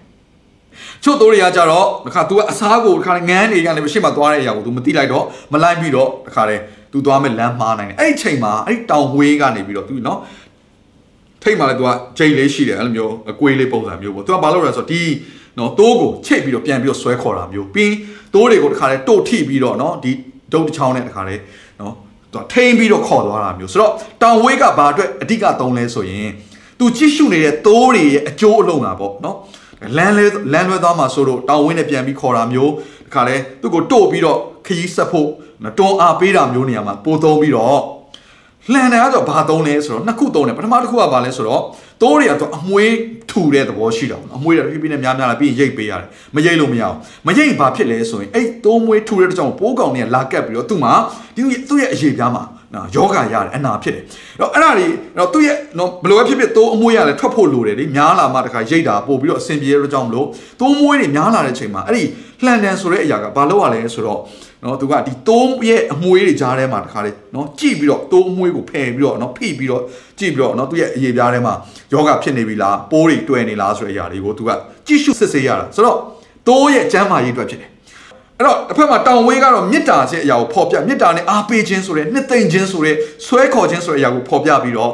လှန်တန်ကတော့ဘာကိုဖော်ပြနေလဲဆိုရင်ကျွန်တော်တို့ကိုပြန်လေးအမှားပြုပြင်ပေးခြင်းဆုံးမခြင်း တွင်တင်ခြင်းကျွန်တော်တို့ရဲ့ဝိညာဉ်ရေးကကျွန်တော်တို့ရဲ့အသက်တာမှာကျမ်းမာခြင်းရှိလာဖို့စစ်ဆေးပေးခြင်းဆိုတဲ့အရာကိုဖော်ပြနေတယ်။ဒါတော့ကျွန်တော်သင်ဟုတ်ဆရာတွေကတိုးထိန်အမှုတော်ဆောင်တွေအားလုံးပါပဲ။ခေါင်းဆောင်တွေဘုရားကတိုးထိန်လို့ပြောတဲ့အခါမှာခရစ်တော်ကျွန်တော်တို့ကိုတိုးထိန်တဲ့နီလန်းတွေကိုလည်းနားလည်ဖို့လိုပါတယ်။ဘုရားသခင်ဒီမေတ္တာတက်တက်နဲ့ဆွဲယုံနေမကဘူးကျွန်တော်တို့ကိုပြုတ်ပြင်ပုံသွင်းပြီးတော့တတိပေးအမှားတွေကိုပြင်ပေးတတ်တဲ့ဘုရားလည်းဖြစ်တယ်။ကျွန်တော်တို့ရဲ့ဝိညာဉ်ကျမ်းမာဖို့ရတဲ့ဘုရားကကျွန်တော်တို့ရဲ့အထက်မှာပိုးမွားတွေမကတ်အောင်နော်သူ့ရဲ့လှန်တန်တော်နဲ့ ကြည့်ရှုပြုစုပေးတဲ့ဖရားဖြစ်တယ်နောက်တစ်ခုလှန်နန်းနောက်တစ်ခုဘယ်မှာသုံးလဲဆိုရင်ဒီတိုးတွေကိုလာပြီးတော့ကိုက်စားမဲ့ဝန်နေချင်းသေးတွေကနေလာတဲ့အခါမှာတောင်ဝေးမရတော့တောင်ဝေးကနော်ဒုတ်ချောင်းပုံစံမျိုးဖြစ်သွားပြီဒါပေမဲ့ဒီနေရာမှာအခုဆော့ဆော့ပြောလှန်နန်းဆိုတဲ့အရာကတော့သူကပုံမှန်အားဖြင့်ဆိုဒါတိုးထိန်တွေကအင်မတန်မှလေးလံနဲ့တစ်မြစ်ပုံစံမျိုးနဲ့သူကအလုပ်လေးရှိတယ်အချွန်ထက်နဲ့လှုပ်ထားလေးရှိတယ်ဆိုတော့ဒီအရာကရန်သူကိုရင်ဆိုင်တဲ့လက်နက်ဖြစ်သွားတယ် ဆိုတော့ဒါလှန်တန်နဲ့တောင်ဝေးကိုတိုးထိန်ကတုံးတဲ့ပုံစံဖြစ်တယ်ဆိုတော့ကျွန်တော်တို့ကျန်းစာထဲမှာကျွန်တော်တို့ကြည့်လိုက်တဲ့အခါမှာတောင်ဝေးပဲပြောပြောလှန်တန်ပဲပြောပြောရာဇလှန်တန်ကိုဆက်တာကိုကင်ခွင့်ရှိတဲ့အဲလူ၃ယောက်ကိုကျွန်တော်တို့တွေ့ရတယ်ပထမတစ်ယောက်ကဘယ်သူလဲဆိုမောရှေဖြစ်တယ်ဟာမောရှေရဲ့အသက်တာကတော့တကယ်ကိုနော်အင်မတန်မှအားကျစရာကောင်းတဲ့အသက်တာဖြစ်တယ်သင်သိထားမယ့်ချက်ကသူကအေဂိုတိုနန်တော်မှာကြီးပြင်းခဲ့တဲ့မင်းသားတစ်ပါးဖြစ်တယ်ဒီယာဇလှန်နယ်ရဲ့တက်ရောက်မှုဆိုတော့ဘာလဲကောင်းကောင်းသိပြီးသားနော်သူဟာ အခွင့်အာဏာကောင်းကောင်းသဘောပေါက်တဲ့လူတစ်ယောက်ဖြစ်တယ်ဆိုတော့နောက်ပိုင်းမှာမောရှေကိုဖျားရွေးတဲ့အခါမှာဘာကနေတစ်ဆင့်သူ့ကိုလှုပ်လှုပ်ခိုင်းလဲဆိုသူကင်ထားတဲ့တောင်ဝေးကနေလှုပ်လှုပ်ခိုင်းတယ်။ဘာကြောင့်လဲအဲ့တောင်ဝေးဟာအခွင့်အာဏာဖြစ်သွားတယ်။အဲ့တောင်ဝေးသည်တကိုးတက်ရောက်ရာဖြစ်သွားတယ်။ဖျားခင်ကိုကိုစားပြုသောမောရှေရဲ့အသက်တာမှာထို့သူရဲ့တကိုးနဲ့အခွင့်အာဏာစီးထွက်သောတောင်ဝေးဖြစ်သွားတယ်။ဒါကြောင့်ပထမဆုံးနာမည်လက္ခဏာပါလေ။မောရှေနဲ့တွေ့တဲ့အခါမှာနော်ဒီတောင်ဝေးကနေ မွေဖြစ်တာပြီးရင်ပြန်ပြီးတော့ဂိုင်းတဲ့ခါမှာပြန်ပြီးတော့တောင်ဝေးဖြစ်သွားတယ်ဆိုတော့ဒီတောင်ဝေးကအလကအလဟာတတ်တတ်မဟုတ်တော့ဘဲနဲ့เนาะပြောလို့ဒီအင်္ဂလိပ်ဆို staff လို့ပဲပြောတာပေါ့เนาะဒီဒုတ်ချောင်းဟာเนาะအလကားတက်တက်ကားလဲဟိုတောထဲမှာသွားလို့เนาะအသက်လဲကြီးပြီဆိုတော့အသက်မောရှေအသက်80ဆိုတော့တောင်ဝေးလေးနဲ့သွားဆိုအဲ့လိုပုံစံမဟုတ်ဘူးမောရှေကအဲ့ဒီအချိန်မှာတိုးတွေစိတ်တွေကိုထိန်းနေရတဲ့အချိန်ဖြစ်တယ်ဆိုတော့သူ့ရဲ့အဲ့ဒီတောင်ဝေးဟာသူ့အတွက်လှန်တန်လဲဖြစ်တယ်เนาะဆောကပြောတဲ့ သူ့အတွက်တိုးထိန်တဲ့နော်ဒုတ်ချောင်းနော်ဒီတောင်ဝေးလည်းဖြစ်တယ်ဆိုတော့အခုတော့ဘုရားသခင်ကအဲ့ဒီတိုးထိန်ခြင်းဆိုတဲ့အဲ့ဒီတောင်ဝေးကိုဘုရားကဘာအနေနဲ့ပြန်သုံးမိလဲဆိုရင်ဖာရောဘုရင်အပေါ်မှာပြန်လဲပြီးတော့အခွင့်အာဏာနဲ့အုပ်ဆိုးနိုင်တဲ့အခွင့်ကိုပေးလာပြီကျမ်းစာမှာကျွန်တော်တို့အသေးစိတ်လေ့လာမယ်ဆိုရင်ဖာရောဘုရင်ဟာသူကဘာကိုကိုစားပြုလဲဆိုရင်မာနက်ကိုကိုစားပြုတယ်စာနိုင်ကိုကိုစားပြုတယ်အဲကုတုပြည်ဟာကြုံခံရတဲ့ပြည်ဟာ မှောင်မိုက်တိုင်းနိုင်ငံကိုကိုစားပြုပြီးတော့ဣသရေလလူမျိုးတွေကတော့ကျွန်တော်တို့ယုံကြည်သူတွေကိုကိုစားပြုတယ်ဣသရေလလူမျိုးတွေကြုံခံရကနေပြီးတော့လွတ်မြောက်ဖွင့်ရန်လုံးကမောရှေပြန်လာတဲ့ခါမှာမောရှေအခွင့်အာဏာပေးမောရှေအစိုးရတဲ့အရာအလုံးကနော်သူကယာတိဝုတို့လည်းအစိုးရတယ်ပိုးမွားတွေကိုလည်းအစိုးရတယ်နော်နောက်ကရေကိုလည်းသူအစိုးရတယ်ပြောမဆိုရင်နော်အာကျွန်တော်တို့ chemistry ကပြောမဆို elements ပေါ့နော်ဘယ်လိုပြောမလဲဓာတ်ကြီးဘယ်လိုလဲလေးပါလား နော်ဒီဟာပေါ့အဲ့ဒါတွေအားလုံးကိုအစိုးရတယ်အဲ့အခွင့်အာဏာကိုဘုရားရှင်ကပေးတယ်ကြည့်နော်ဘုရားခင်ကအခွင့်အာဏာပေးပြီဆိုရင်အဲ့ပေးတဲ့အခွင့်အာဏာဟာဘယ်အပေါ်မှာအစိုးရလဲဆိုအဲ့ level တွေရှိတယ် တခြားလူနဲ့မတူမောရှေကအကုန်လုံးအစိုးရတဲ့ခါမှာခါနဲ့နမိတ်လက္ခဏာတွေအများကြီးဖြစ်ပြီးတော့နောက်ဆုံးနမိတ်လက္ခဏာ10ခုနဲ့ထွက်ခွင့်ရတဲ့အပြင်သူကဖာရောဘုရင်ကိုလည်းအစိုးရတဲ့အခွင့်ကိုဘုရားရှင်ပေးတယ်။အဲ့နမိတ်လက္ခဏာတွေအားလုံးကဘာကိုဖော်ပြနေလဲဆိုရင်အဲ့ဒီအဲဂရုတိုင်းပြည်မှာရှိတဲ့သူတို့ကိုးကွယ်တဲ့ဖယားတွေအားလုံးကိုဖော်ပြနေတယ်နော်။အဲ့ဒီမှာဖြစ်တဲ့နမိတ်လက္ခဏာစုစုပေါင်းအားလုံးအကုန်လုံး10ခုကိုပြန်ပြီးတော့သင်ပြန်ပြီးတော့ study သေချာလေ့လာကြည့်လိုက်အဲ့ဒီတစ်ခုချင်းစီဟာအဲဂရုလူမျိုးတွေကိုးကွယ်တဲ့နောက်ဆုံးသူတို့ကဘယ်လိုဘာကိုကိုးကွယ်လဲဖာရောဘုရင်ကိုလည်းကိုးကွယ်တယ်။သူတို့ဖာရောဘုရင်တည်ပြီးသွားရင်အဲ့ဒါသူကသေတာမဟုတ်ဘူးသူက နောက်ဘဝမှာဆက်ပြီးတော့သွားနေပြီးတော့တစ်ခါပြန်ပြီးတော့နော်ဟိုလူဝင်စားတာပေါ့အဲ့အဲ့လိုမျိုးသူကယုံကြည်တဲ့ယုံကြည်ချက်တွေရှိတယ်ဆိုတော့ဖာရောဘုရင်ကသူတို့အတွက်ဒါဖျားတစ်ပါးပဲဆိုတော့နောက်ဆုံးမှာလည်းဖာရောဘုရင်သားဦးကိုနော်စီရင်ခြင်းအဖြစ်ဖျားသခင်ကမောရှေကိုဒီနော်မာနက်ကိုကိုစားပြုတဲ့ဖာရောဘုရင်ပေါ်မှာအုပ်ဆိုးခြင်းအခွင့်အာဏာကိုပေးတယ်ဆိုတော့မောရှေကယေရှုခရစ်တော်ကိုအဲကိုစားပြုနေတာလည်းဖြစ်တဲ့အားလုံးဒါသိမယ်လို့ကျွန်တော်ယုံကြည်တယ်ယေရှုခရစ်တော်ဟာလေမာနက်စာရမန်နဲ့ရဲ့အခွင့်အာဏာအားလုံးကိုချိုးဖျက်ပြီးတော့ အောင်မြင်ခြင်းနဲ့အုပ်ဆိုးခြင်းအခွင့်အာဏာကိုသူယူခဲ့တာဖြစ်တယ်။နော်တောင်ဝေးကိုမောရှေကဘလို့ပုံစံနဲ့တုံးလဲနောက်ဆုံးဣသရေလလူမျိုးတွေကပျော်ပျော်ရွှင်ရွှင်နဲ့ထွက်သွားကြတယ်ဒါပေမဲ့အနောက်မှာနော်တခါအေဂုတုစစ်တပ်ကြီးလိုက်လာတယ်လမ်းကတစ်ဖက်မှာပိတ်တယ်စစ်တပ်ကတစ်ဖက်မှာပိတ်တယ်နောက်နော်ပင်လယ်ကြီးကပိတ်ထားတယ်ဘလောက်ပဲထွက်ခွာစရာမရှိတဲ့အခြေအနေမှာစောစောက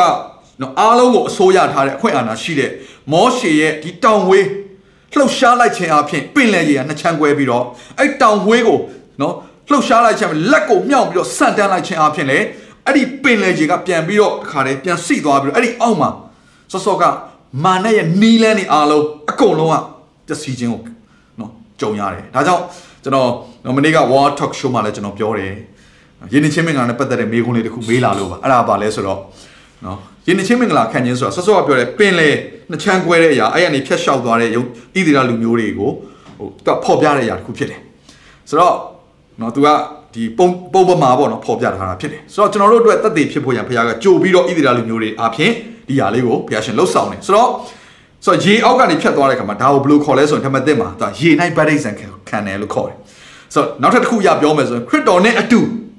သေပြီးတော့သေတယ်ဆိုတာကဒါအောက်ကိုအောက်ရက်ကိုဆင်းတယ်လို့ခေါ်တယ်ပြီးတော့တစ်ခါပြန်ပြီးတော့သုံးရက်မြောက်သောနေ့မှာပြန်ပြီးတော့အတူရှင်းတယ်ကျွန်တော်တို့အားလုံးကခရစ်တော်ယုံကြည်ရဆိုတာနဲ့သင်ဟာသင်ရဲ့လူဟောင်းသည်သေပြီးတော့ခရစ်တော်ထဲမှာ ဒုတိယကြိမ်မွေးဖွားခြင်းဆိုတဲ့အသက်ရှင်ခြင်းကိုသင်ပြန်ရတယ်ဆိုတော့ဒါကြောင့်ဒီယဉ်နေချင်းခံခြင်းဟာနော်စောစောကပင်လယ်နှစ်ချမ်းကွဲပြီးတော့ရန်သူတွေကိုပြန်ပြီးတော့ပင်လယ်ရေလွှမ်းမိုးခြင်းအဖြစ်နော်အနိုင်ရတဲ့အတွက်ကြောင့်မလို့ခရိယန်အသက်တာမှာအဲ့လိုရေထဲမှာယဉ်ချင်းခံပြီးတော့ဖခင်ယေရှုခရစ်တော်ကကျွန်တော်ရဲ့ကယ်တင်ပါရှင်နဲ့အရှင်သခင်ဖြစ်ယုံကြည်လက်ခံပါတယ်ဆိုတော့ဝန်ခံကြင်ညာလိုက်ခြင်းဟာနော်ကျွန်တော်တို့ကိုဖျက်ဆီးဖို့ပြန်လဲဆွဲချဖို့စောင့်နေတဲ့မာနရဲ့နီလန်အားလုံးကိုလည်းကျွန်တော်ခြေဖျက်လိုက်ပြီးသားဖြစ်သွားတယ် it's very powerful နော်တကယ်ကိုတကိုးပါတဲ့အရာတစ်ခုဖြစ်တယ်ဒါကြောင့်မို့ကျွန်တော်တို့ကတော့နော်ယုံကြည်သူတယောက်ဖြစ်လာပြီဆိုရင်ချင်းခံမှုအားပေးတယ်ပွဲရယူတဲ့ခါမှာလည်းကျွန်တော်ဘယ်လိုပြောလဲဆိုတော့ခရစ်တော်ကိုမိမိရဲ့ကယ်တင်ပါရှင်နဲ့အရှင်သခင်ဖြစ်ယုံကြည်လက်ခံပြီးတော့ယဉ်ချင်းမင်္ဂလာခံပြီးတော့သူများပွဲတော်ပွဲတော်ဝင်ဖို့ကျွန်တော်တို့အားပေးပါတယ်ဆိုတဲ့စကားလေးကိုကျွန်တော်သုံးပါတယ်။ဘာကြောင့်လဲဆိုတော့ဒီဒီယဉ်ချင်းမင်္ဂလာခံခြင်းအရာအင်တာမှာအရေးကြီးတယ်ဆိုတာလေးကိုကျွန်တော်နားလည်လို့ဖြစ်တယ်ဒီနှုတ်ကပတ်ချမ်းစာအဖြစ်ဆိုတော့ကဲဒါလေးကတော့ကျွန်တော် side note အနေနဲ့ခဏလောက်နော် study လေးပြောလိုက်တာဖြစ်တယ်။ကျွန်တော်အခုအဓိကထားပြီးပြောချင်တဲ့အရာပါတယ်။စောစောက မောရှိကင်ထားတဲ့လှန်တံအားဖြင့်ခါရဲနော်လက်ကိုမြှောက်ပြီးဆန့်တန်းတဲ့ခါမှာနမိတ်လက္ခဏာဖြစ်တယ်။နောက်ထပ်နမိတ်လက္ခဏာတစ်ခုကပါလေ။တခါလေသူတို့ဣသရေလမျိုးတွေခီးသွားတဲ့ခါမှာအာမလက်လူတွေကလာပြီးတော့တိုက်ကြတယ်။ဆိုတော့ဘုရားကအာမလက်လူတွေကသူ့ရဲ့လူတွေကိုတခါလေအနှောက်အယှက်ပေးတဲ့ကြောင့်ဘုရားအယံနော်ပြောလို့စိတ်ဆိုးတယ်ပေါ့နော်ဘုရားသခင်ကတခါဒီအာမလက်လူတွေကိုယောရှုကဥဆောင်ပြီးစစ်တိုက်ဖို့လှုပ်ဆောင်တဲ့ချိန်မှာမောရှေပါလို့လေလက်ကိုမြောက်ထားတယ် come on လက်ကိုမြောက်ထားတယ်ကျွန်တော်ယုံကြည်သူတွေဒါကိုသိဖို့လိုတယ်ကျွန်တော်တို့ရဲ့လက်ကိုမြောက်ပြီးတော့ဘုရားရှိခိုးဆုတောင်းခြင်းဟာအင်မတန်မှတကိုးပါတဲ့ຢာတစ်ခုဖြစ်တယ် ဒါကြောင့်ပေါလုကနော်ကျမ်းစာထဲမှာဘယ်လိုရေးထားလဲဆိုရင်နော်အရရမှာရှိတော့ယောက်ျားတို့ဟာဒါယုံကြည်သူယောက်ျားတွေကိုပြောတာနော်သင်တို့ရဲ့လက်ကိုတန်ရှင်းသောလက်ကိုခြိပင့်ပြီးတော့ဆုတောင်းခြင်းကငါအလိုရှိတယ်ဆိုကျွန်တော်တို့ယောက်ျားတွေအများသောအားဖြင့်ခွန်အားအစွမ်းတတ္တိကိုဘာနဲ့ပြဆိုကျွန်တော်တို့ရဲ့တက်ဆွမ်းနိုင်ခြင်းဆိုတဲ့ဒီခွန်အားအစွမ်းတတ္တိကိုလက်နဲ့ပြတယ်လीဟိုလိုခစ်တုန်းကဆိုရင်တော့ရှေဟိုးရှေရှေတုန်းကဆိုရင်တော့သူကစစ်တိုက်တဲ့အခါမှာယောက်ျားတယ်နော်တခါလက်နက်ကိုကန်ရတယ်မလားတစ်ဖက်မှာ ကဒိုင်းကိုကိုင်းတစ်ဖက်မှာတခါလှန်မဲဖြစ်ဖြစ်ဒါပဲကိုင်းစစ်တိုက်ရဆိုသူ့ရဲ့ခွန်အားအစွမ်းတသူ့ရဲ့သေရေးရှင်ဟာဘယ်ပေါ်မှာမူတည်နေတယ်သူ့ရဲ့လက်ပေါ်မှာမူတည်တယ်သူ့ရဲ့ခွန်အားပေါ်မှာမူတည်နေတယ်ဆိုတော့အခုတော့အဲ့ဒီခွန်အားကိုဖော်ပြတဲ့ယောက်ျားတစ်ယောက်ရဲ့လက်ဟာဖျားသခင်အကြီးနဲ့ဆိုတော့ဖျားသခင်ရှေ့မှာလက်ကိုခြိလိုက်ပြီးတော့ ဒီလက်ကိုလည်းကျမ်းစာဘယ်လိုပြောလဲဆိုတော့တန်ရှင်သောလက်ဟာလေလုယာဒီလက်ကိုခြိပြီးတော့ဆုတောင်းလိုက်တဲ့ခါမှာဘုရားရဲ့ရှေ့မှာအရှုံးပေးလိုက်တဲ့ခါမှာဘုရားရဲ့မဆာခြင်းကိုခလေးငယ်တယောက်လိုအကျွန်ုပ်ကိုခြိယူပါအကျွန်ုပ်ကိုမဆာပါလို့နှိမ်ချခြင်းနဲ့ဝန်ခံလိုက်တဲ့ခါမှာလူအားဖြင့်မတက်ဆွမ်းနိုင်တဲ့အခွင့်တကိုးနဲ့အာနာဘုရားသခင်စီကနေတစ်စစ်တစ်ခါစီးဆင်းလာပြီးတော့အဲ့ဒီဆုတောင်းသောယောက်ျားတယောက်အသက်တာကနေပြီးတော့ဘုရားအကြီးကျယ်အလုပ်လုပ်တယ်ဆိုတော့ကျွန်တော်တွေ့ရတယ်ဘုရားကျောင်းလေးကိုကျွန်တော်တို့အများကြီးရောက်ပါတယ်နိုင်ငံတကာကိုကျွန်တော်တို့ရောက်ပါတယ် ကျွန်တော်တို့ခိုင်ကနာပေါင်းစုံလည်းရောက်ပါတယ်ထူးခြားတဲ့အရာတစ်ခုကျွန်တော်တို့တွေ့ရတယ်အားလုံးတူညီနေတဲ့အရာတစ်ခုအဲ့ဒါဘာလဲဆိုတော့အသင်းတော်တိုင်းမှာယောက်ျားရည်တွေတဲ့အမျိုးသမီးရည်တွေကပိုများတယ်ပြီးတော့ဆုတောင်းတဲ့အစည်းအဝေးတွေမှာအမျိုးသမီးရည်တွေကပိုများတယ်ဆိုတော့ဒီအချိန်ဟာအမျိုးသားယောက်ျားတွေဟာမိမိရှိတဲ့ရက်မှာတန်ရှင်းသောလက်ကိုချီပင်းပြီးတော့ဘုရားရှိခိုးဒူးထောက်ခြင်းနဲ့ဒူးတစ်ခါအရှုံးပေးခြင်းဆိုတဲ့ရောက်ပေါ်ပြပြီးတော့ဆုတောင်းမယ်ဆိုရင် မောရှိကတခါလက်ကိုမြှောက်တဲ့အချိန်မှာအခါစစ်နိုင်တယ်လို့ပဲကျွန်တော်တို့ရဲ့လက်ကိုချီပင့်နေခြင်းအပြင်မမြင်ရတဲ့နေပဲမှာရန်သူတွေကြာဆုံးမယ်ဆိုတဲ့အရာကိုကျွန်တော်ကောင်းကောင်းတော့နားလည်ဖို့ဖြစ်ပြီးတော့ဆုတောင်းဖို့ကျွန်တော်အားပေးခြင်းတယ်ဟာလေလုယာနောက်တစ်ချိန်မောရှေကဒီနော်လှန်နန်းကိုဒီတောင်ဝဲကိုကင်ပြီးတော့ဘာလုပ်လဲဆိုလူတွေကအခါမှာတန်းနဲ့ချီပြီးတော့ရေကရှာလို့မရတော့ရေတောက်ချင်တဲ့အခါမှာမောရှေကိုပြောတဲ့အခါမှာမောရှေတခါလဲဒေါသထွက်ပြီးတော့ဒေါသထွက်တာတော့တက္ကနာပေါ့နော်အခါသူ့ရဲ့တောင်ဝဲနဲ့တခါလဲဘုရားရှင်က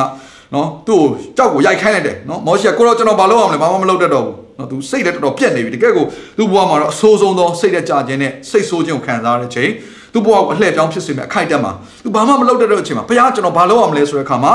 မင်းရဲ့လက်မှာရှိတဲ့တုံးနဲ့ဘာကိုရိုက်ခိုင်းလဲဆိုတော့ကြောက်ကိုရိုက်ပါလို့ပြောတဲ့ခါမှာအဲကြောက်ကိုရိုက်တဲ့ခါမှာကြောက်တဲ့ကနေပြီးတော့ဒီတန်ပေါင်းတန်းနဲ့ချီတဲ့လူတွေတောက်ဖို့ရန်အတွက်ဒီရေကိုနော်ရတယ်ဆိုတော့ကျွန်တော်တို့တွေ့ရတယ်အဲ့တော့ကျွန်တော်တို့အဲ့ဒီ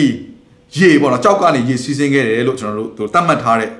ဒီပညာရှင်တွေတတ်မှတ်ထားတဲ့နေရာကိုလည်းကျွန်တော်တို့နော်သွားခဲ့ဒါပေမဲ့ညဘက်မှောင်တဲ့ခါကျတော့ကျွန်တော်တို့သိမသိဘူးဒါပေမဲ့ခိုက်ကဘယ်လိုရှင်းပြလဲဆိုတော့အဲ့ဒီနေရာမှာအရင်နော်ဂန်နာယာကြီးပဲဘာတစ်ပင်မှတော့မရှိဘူးသို့တော်လည်းအဲ့ဒီနေရာမှာနော်ရေအရှင်အဟုန်နဲ့စီးဆင်းခဲ့တဲ့တောင်ပေါ်ကနေရေအရှင်အဟုန်နဲ့စီးဆင်းခဲ့တဲ့ကြောက်ကနေရေထွက်ပြီးစီးဆင်းခဲ့တဲ့အဲ့ဒီနော်ကြောက်တွေရဲ့ကြောက်တွေကိုပြန်လေ့လာတဲ့အခါမြေကြီးတွေကိုပြန်လေ့လာတဲ့အခါမှာ ကြီးမားတဲ့ရေအရှိန်အဟုန်နဲ့စီးဆင်းခဲ့တဲ့မြစ်ပေါ့နော်ချောင်းတစ်ခုဖြစ်ခဲ့တယ်ဆိုတဲ့အရာကိုသူတို့ရှာဖွေတွေ့ရှိတယ်ပထဝီရပဲစဉ်းစားစဉ်းစားနော် geology ဆိုတဲ့ဒီမြေကြီးတွေကိုလေ့လာတဲ့အရာပဲစဉ်းစားစဉ်းစားတမိုင်းရပဲစဉ်းစားစဉ်းစားဖះရှင်ရဲ့နော်အသက်ရှင်ခြင်းနဲ့ဖះရှင်သူ့ရဲ့လူတွေနဲ့သူနမိတ်လက္ခဏာတွေတကိုးတွေကိုဖော်ပြပြီးတော့ကျွန်တော်ဒီကမ္ဘာလောကတစ်ခုလုံးမှာရှိအဖြစ်သားတွေကိုကယ်တင်ဖို့ရလုံးကယေရှုခရစ်တော်ဒီလောကကိုကြွဆင်းလာမယ်ဆိုတဲ့အရာဟာ အင်မတန်မှထင်ရှားပြီးတော့မြင်သာပြီးတော့ဘယ်လုံးမှညင်းလို့မရတဲ့တသက်တွေရှိပါတယ်ချို့တွေကအခုချိန်ဒီဒါကိုနော်ညင်းနေတော့မယ်နော်တခါတည်းမှာလူတချို့ဟာကဲကိုတာယာနာပြောပွဲဖြစ်တဲ့ပုံပြင်ဝတ္ထုတွေကိုတော့ယုံတတ်ကြပြီးတော့တမိုင်းထောက်ထားနဲ့တတခါလေဘလို့မှညင်းလို့မရတဲ့ prophet ပြုချက်တွေနဲ့ဟိုးနှစ်ပေါင်းများစွာထောင်နဲ့ချီပြီး prophet ပြုချက်တွေအခုကျွန်တော်တင်နဲ့ကျွန်တော်အသက်ရှင်တဲ့အချိန်မှာအခုဖြစ်နေတယ် ကက်ယောဂါတွေအခုနော်ဒီနေ့ဆိုမြဲသတင်းတွေကဘာဖြစ်လဲနော်ဟိုဒီကမ္ဘာလုံးနောက်ထပ်လူအခုလက်ရှိနော်ဟိုအစာအိမ်စာခေါင်းပါတဲ့လူတွေနောက်ထပ်နှစ်ဆလောက်ကထပ်ပြီးတော့အစာအိမ်စာငတ်ပြတ်ခြင်းဘေးကိုကြုံရမယ်ဆိုတော့အခုအစာအိမ်စာခေါင်းပါခြင်းတွေရောက်လာပြီစစ်ပွဲဆိုတဲ့သတင်းတွေကျွန်တော်မကြအခုမကြခင်မှာကျွန်တော်တို့ထူးထူးခြားခြားကြားလာရတော့မယ်အခုလည်းကြားနေရပြီပိုဆိုးတဲ့ကက်ယောဂါတွေလာတော့မယ်ဆိုတော့ဒီရတွေအားလုံးအခုမှဖြစ်တာမဟုတ်ဘူးလူငယ်နှစ်ပေါင်းထောင်နဲ့ချီကလေးကခရစ်တော်မပေါ်ခင်ကလေးကပြင်ကြိုပြီးတော့ prophet ပြုချက်တွေအများကြီးရှိထားပြီးသားဖြစ်တယ် ဒီလောက်တိတက်သေးတာရကားတွေနဲ့တခါရှိတဲ့အရာကိုကျွန်တော်တို့ကမယုံဘဲနဲ့ပုံပြေတွေကိုတော့ကျွန်တော်တို့ကယုံတက်ပြီးတော့နော်တခါလေလူတွေကစဉ်းစားတွေးခေါ်ပြီးပြောတဲ့အရာတွေကိုကျွန်တော်တခါတန်းပြီးတော့ယုံတက်တဲ့လူတွေဖြစ်နေတယ်ဆိုရင်နော်ကျွန်တော်တို့ရဲ့အသက်တာဘယ်လောက်ထိနှုငယ်တဲ့အသက်တာလဲဘယ်လောက်ထိလိန်လည်လှည့်ဖျားလို့ကောင်းတဲ့အသက်တာလဲစဉ်းစားကြည့်ပါဦးဒါကြောင့်ကျွန်တော်ဉာဏ်ပညာမဲ့တဲ့လူတွေမဖြစ်ဖို့ရလုံးကနှုတ်ကပတ်တော်ကိုတေချာဖတ်ရှုဖို့လိုတယ်နှုတ်ကပတ်တော်ကိုပိုင်းခြားနားလဲဖို့လိုတယ်အထူးသဖြင့်ဒီလိုချိန်ကာလမှာနှုတ်ကပတ်တော်ပေါ်မှာမရက်တည်ဘူးဆိုရင်သင်ပြိုလဲစရာအကြောင်းရှိတယ် ကျွန်တော်ဒီနှုတ်ကပတ်တော်နဲ့ပတ်သက်ပြီးတော့တကယ်ကိုခိုင်ခန့်တဲ့အရာတခုကျွန်တော်ပြောပြချင်တယ်အခုကျွန်တော်ပြောပြချင်တယ်အဲ့ဒါဘာလဲသိလားဒံယေလအနာဂတိကျမ်းထဲမှာဒံယေလဆိုရင်အနာဒံယေလဒံယေလအနာဂတိကျမ်းဆိုတာယေရှုခရစ်တော်မပေါ်ခင်မှာကတည်းကဘယ်အချိန်ကလေးရလဲဘာဘူးလုံအင်ပါယာဘာဘူးလုံအင်ပါယာဆိုတာကအီရတ်ကိုပြောတာဖြစ်တယ်နောက်တစ်ခါ Persian Empire မပေါ်ခင်ကတည်းက prophet ပြုချက်ဖြစ်တယ်ဆိုတော့ဒီ prophet ပြုချက်ကနော်အာ ဒံယေလရဲ့ prophet ပြုချက်မဟုတ်ဘဲနဲ့နေဘုခတ်နေစာမင်းကြီးရဲ့အိမ်မက်ဖြစ်တယ်ယူပါယုံပေါ့ဆိုတော့ဒံယေလခန်းကြီးနှစ်မှာဒီအဖြစ်ပြက်လေးရှိတယ်နေဘုခတ်နေစာမင်းကြီးကဒီအိမ်မက်ကိုလည်းဒီယူပါယုံသူရတဲ့ခါမှာသူစိတ်မပြောတော့အဲသူရဲ့နန်းတော်မှာရှိတဲ့ခလာတဲ့အတတ်ပညာတွေအတတ်ပညာစုံသမျှရှိသမျှအကုန်လုံးပညာရှင်အားလုံးဗေဒပညာရှင်တွေအကုန်စုပြီးတော့ဘာသာပြန်ခိုင်းတဲ့ခါမှာ तू ပြောပြတယ်ဘာသာပြန်ခိုင်းတယ်ဘယ်သူမှမသိအဲ့မနောက်ဆုံးမှာတခါတယောက်ထက်ကြံနေတဲ့ ဒန်ယေလဆိုတာရှိတယ်ဆိုတဲ့သတင်းစကားကိုကြားတယ်ဆိုတော့ကျမ်းစာဘလို့ဖော်ပြဆိုဒန်ယေလဟာတဲ့အခြားသောပညာရှိအလုံးထက်ဆယ်ဆ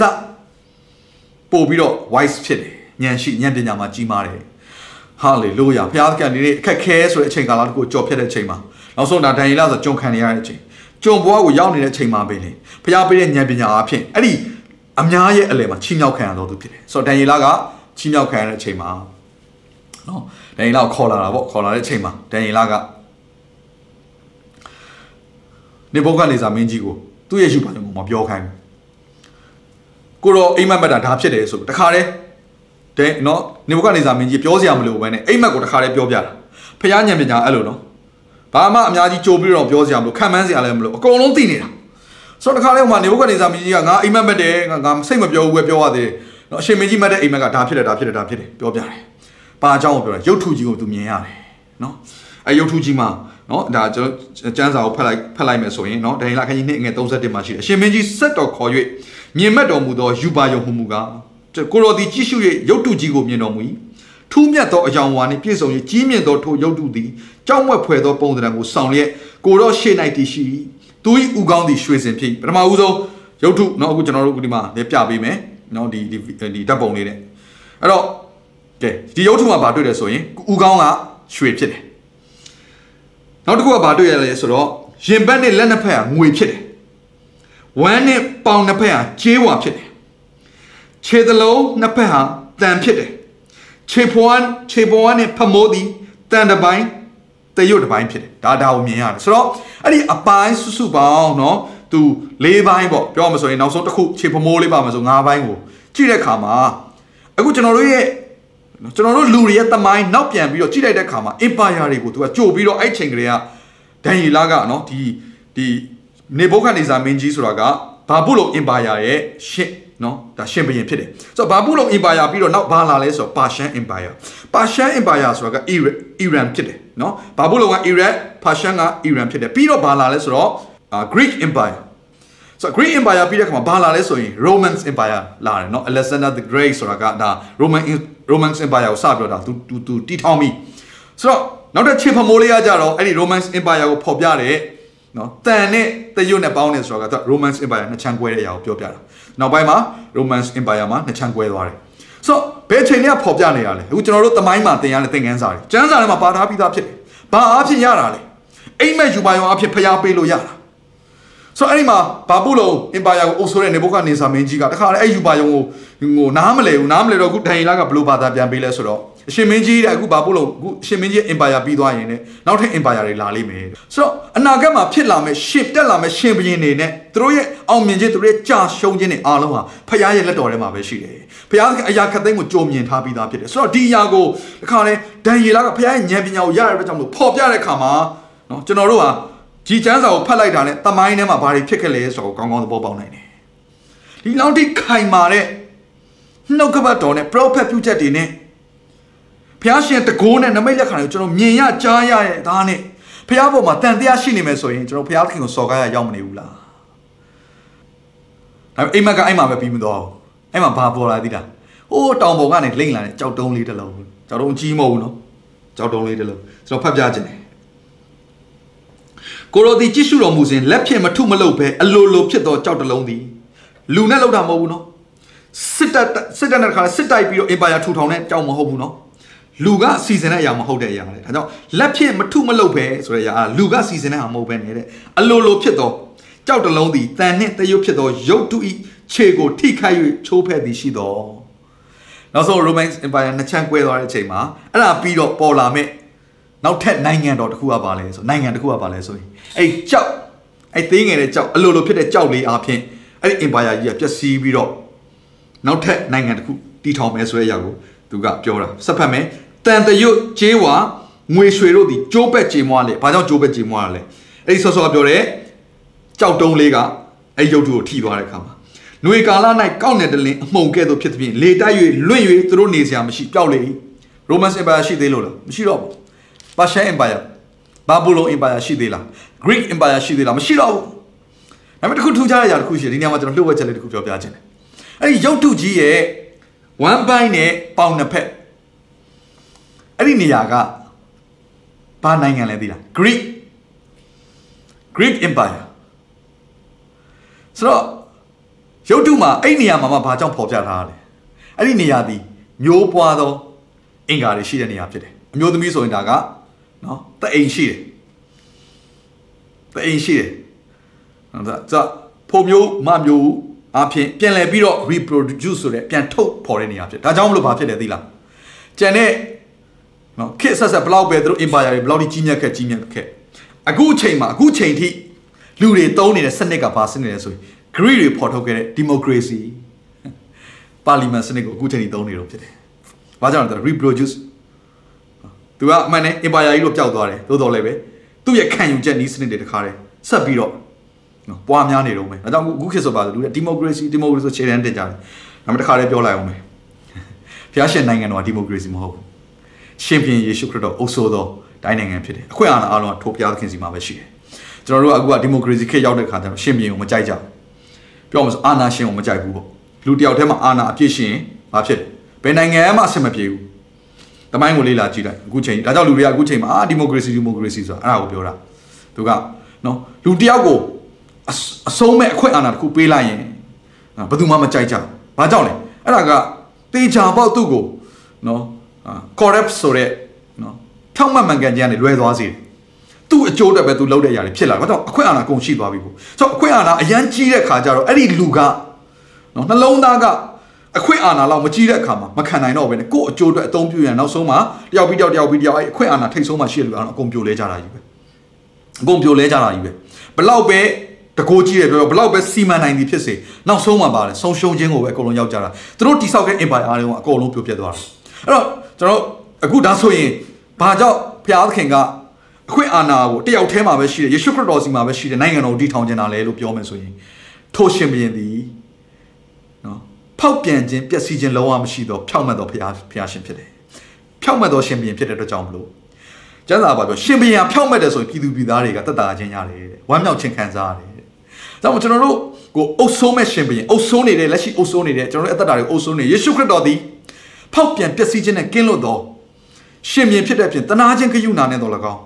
မေတ္တာနဲ့တော်၎င်းကျွန်တော်တို့ကိုထွေးပွေပြီးတော့အမြဲတမ်းမဆတော့ဖရားဖြစ်တဲ့ကြောင့်မလို့ထိုဖရားသခင်မှာအခွင့်အာဏာအကုန်လုံးရှိလာတဲ့ခါမှာကျွန်တော်တို့အတွက်တက်တာခြင်းဖြစ်လာတယ်ကျွန်တော်တို့အတွက်ညှော်လင်းချက်ဆိုတာဖြစ်လာတယ်ဒါကြောင့်မို့ဒီနေ့ယေရှုခရစ်တော်တည်ထောင်မဲ့နိုင်ငံတော်ဟာဒီမိုကရေစီမဟုတ်ဘဲနဲ့ဖရားသခင်ကိုယ်တိုင်အုပ်ဆိုးတဲ့နိုင်ငံတော်ဖြစ်တယ်ထိုသခင်နဲ့တူကျွန်တော်တို့ကဘာလုပ်ရမလဲဆိုတော့ဖရားရဲ့သားသမီးကဘာလုပ်ရမလဲထိုနိုင်ငံတော်မှာစိုးစံရမှာဒါဒါကြောင့်ကျွန်တော်တို့ကဒီနေ့ဘာကိုပြောနေလဲစက်တာဆိုတဲ့စိုးစံသောသူတွေကင်တဲ့ ရှင်ဘရင်တွေကင်တဲ့အခွင့်အာဏာကိုဖော်ပြတဲ့ယာဇလှန်တဲ့အကြောင်းကျွန်တော်တို့ပြောနေတာဖြစ်တယ်အခုကျွန်တော်ဒီကာလမှာတော့စစ်တိုက်ရတာမှန်ပြီတနေ့ကျရင်ကျွန်တော်တို့ကဒီကမ္ဘာမြေကြီးကိုအုပ်ဆိုးတဲ့အခါမှာ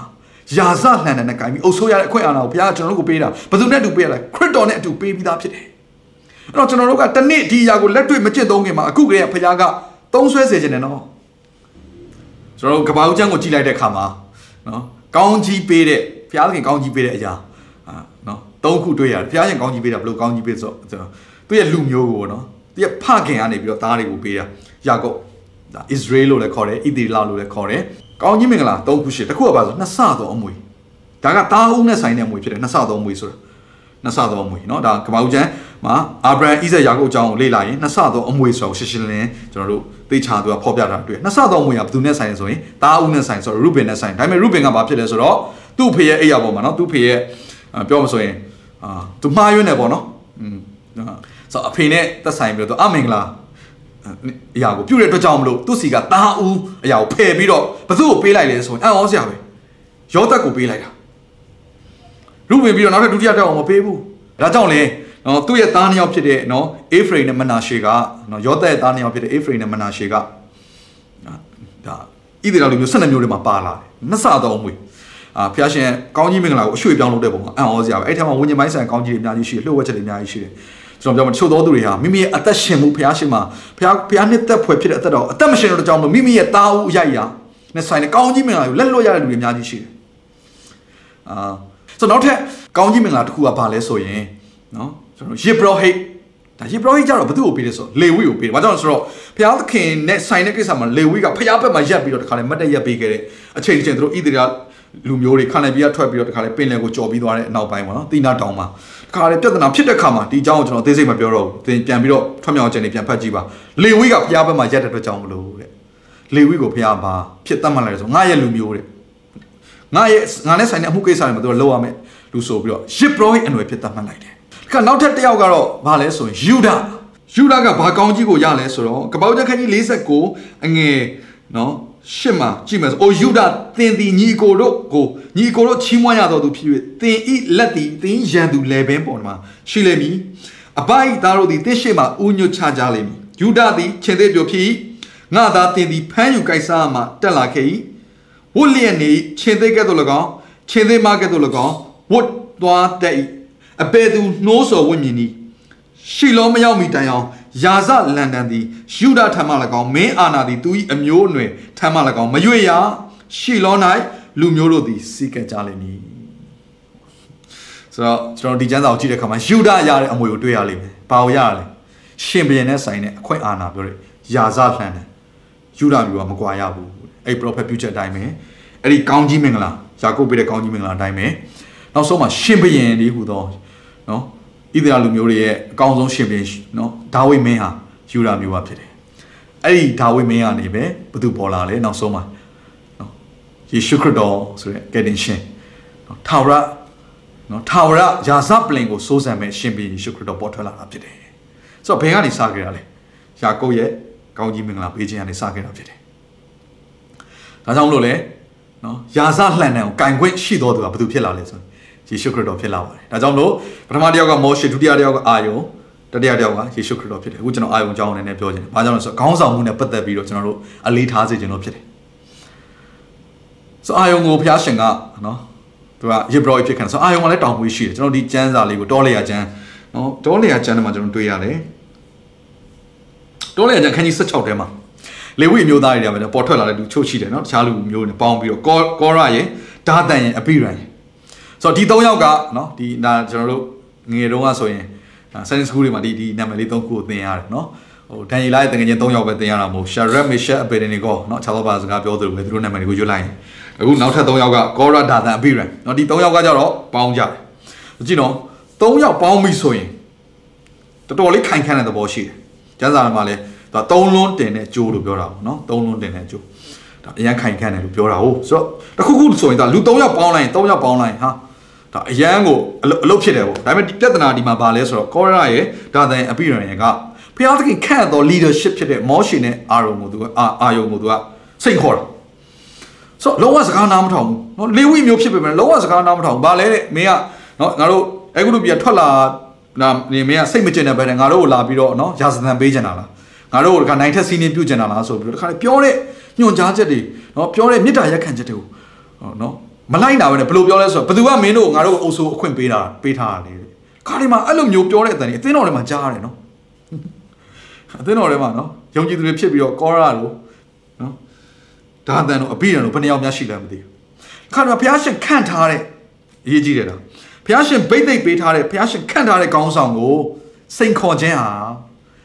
ရံဘက်ပြုခြင်းဟာနောက်ဆုံးရံဘက်မပြုအောင်နဲ့တော့အဲ့ဒီဘုရားဗိတ်သိက်ပေးထားတဲ့ ပေးထားတဲ့ဘုရားနော်တကယ်ဘုရားရှင်ဗိတ်သိက်ရှိတဲ့ကောင်းဆောင်ရဲ့တစ်ဖက်မှာရက်နေခြင်းဟာအင်မတန်မှအန္တရာယ်များသောကိစ္စတစ်ခုဖြစ်တယ်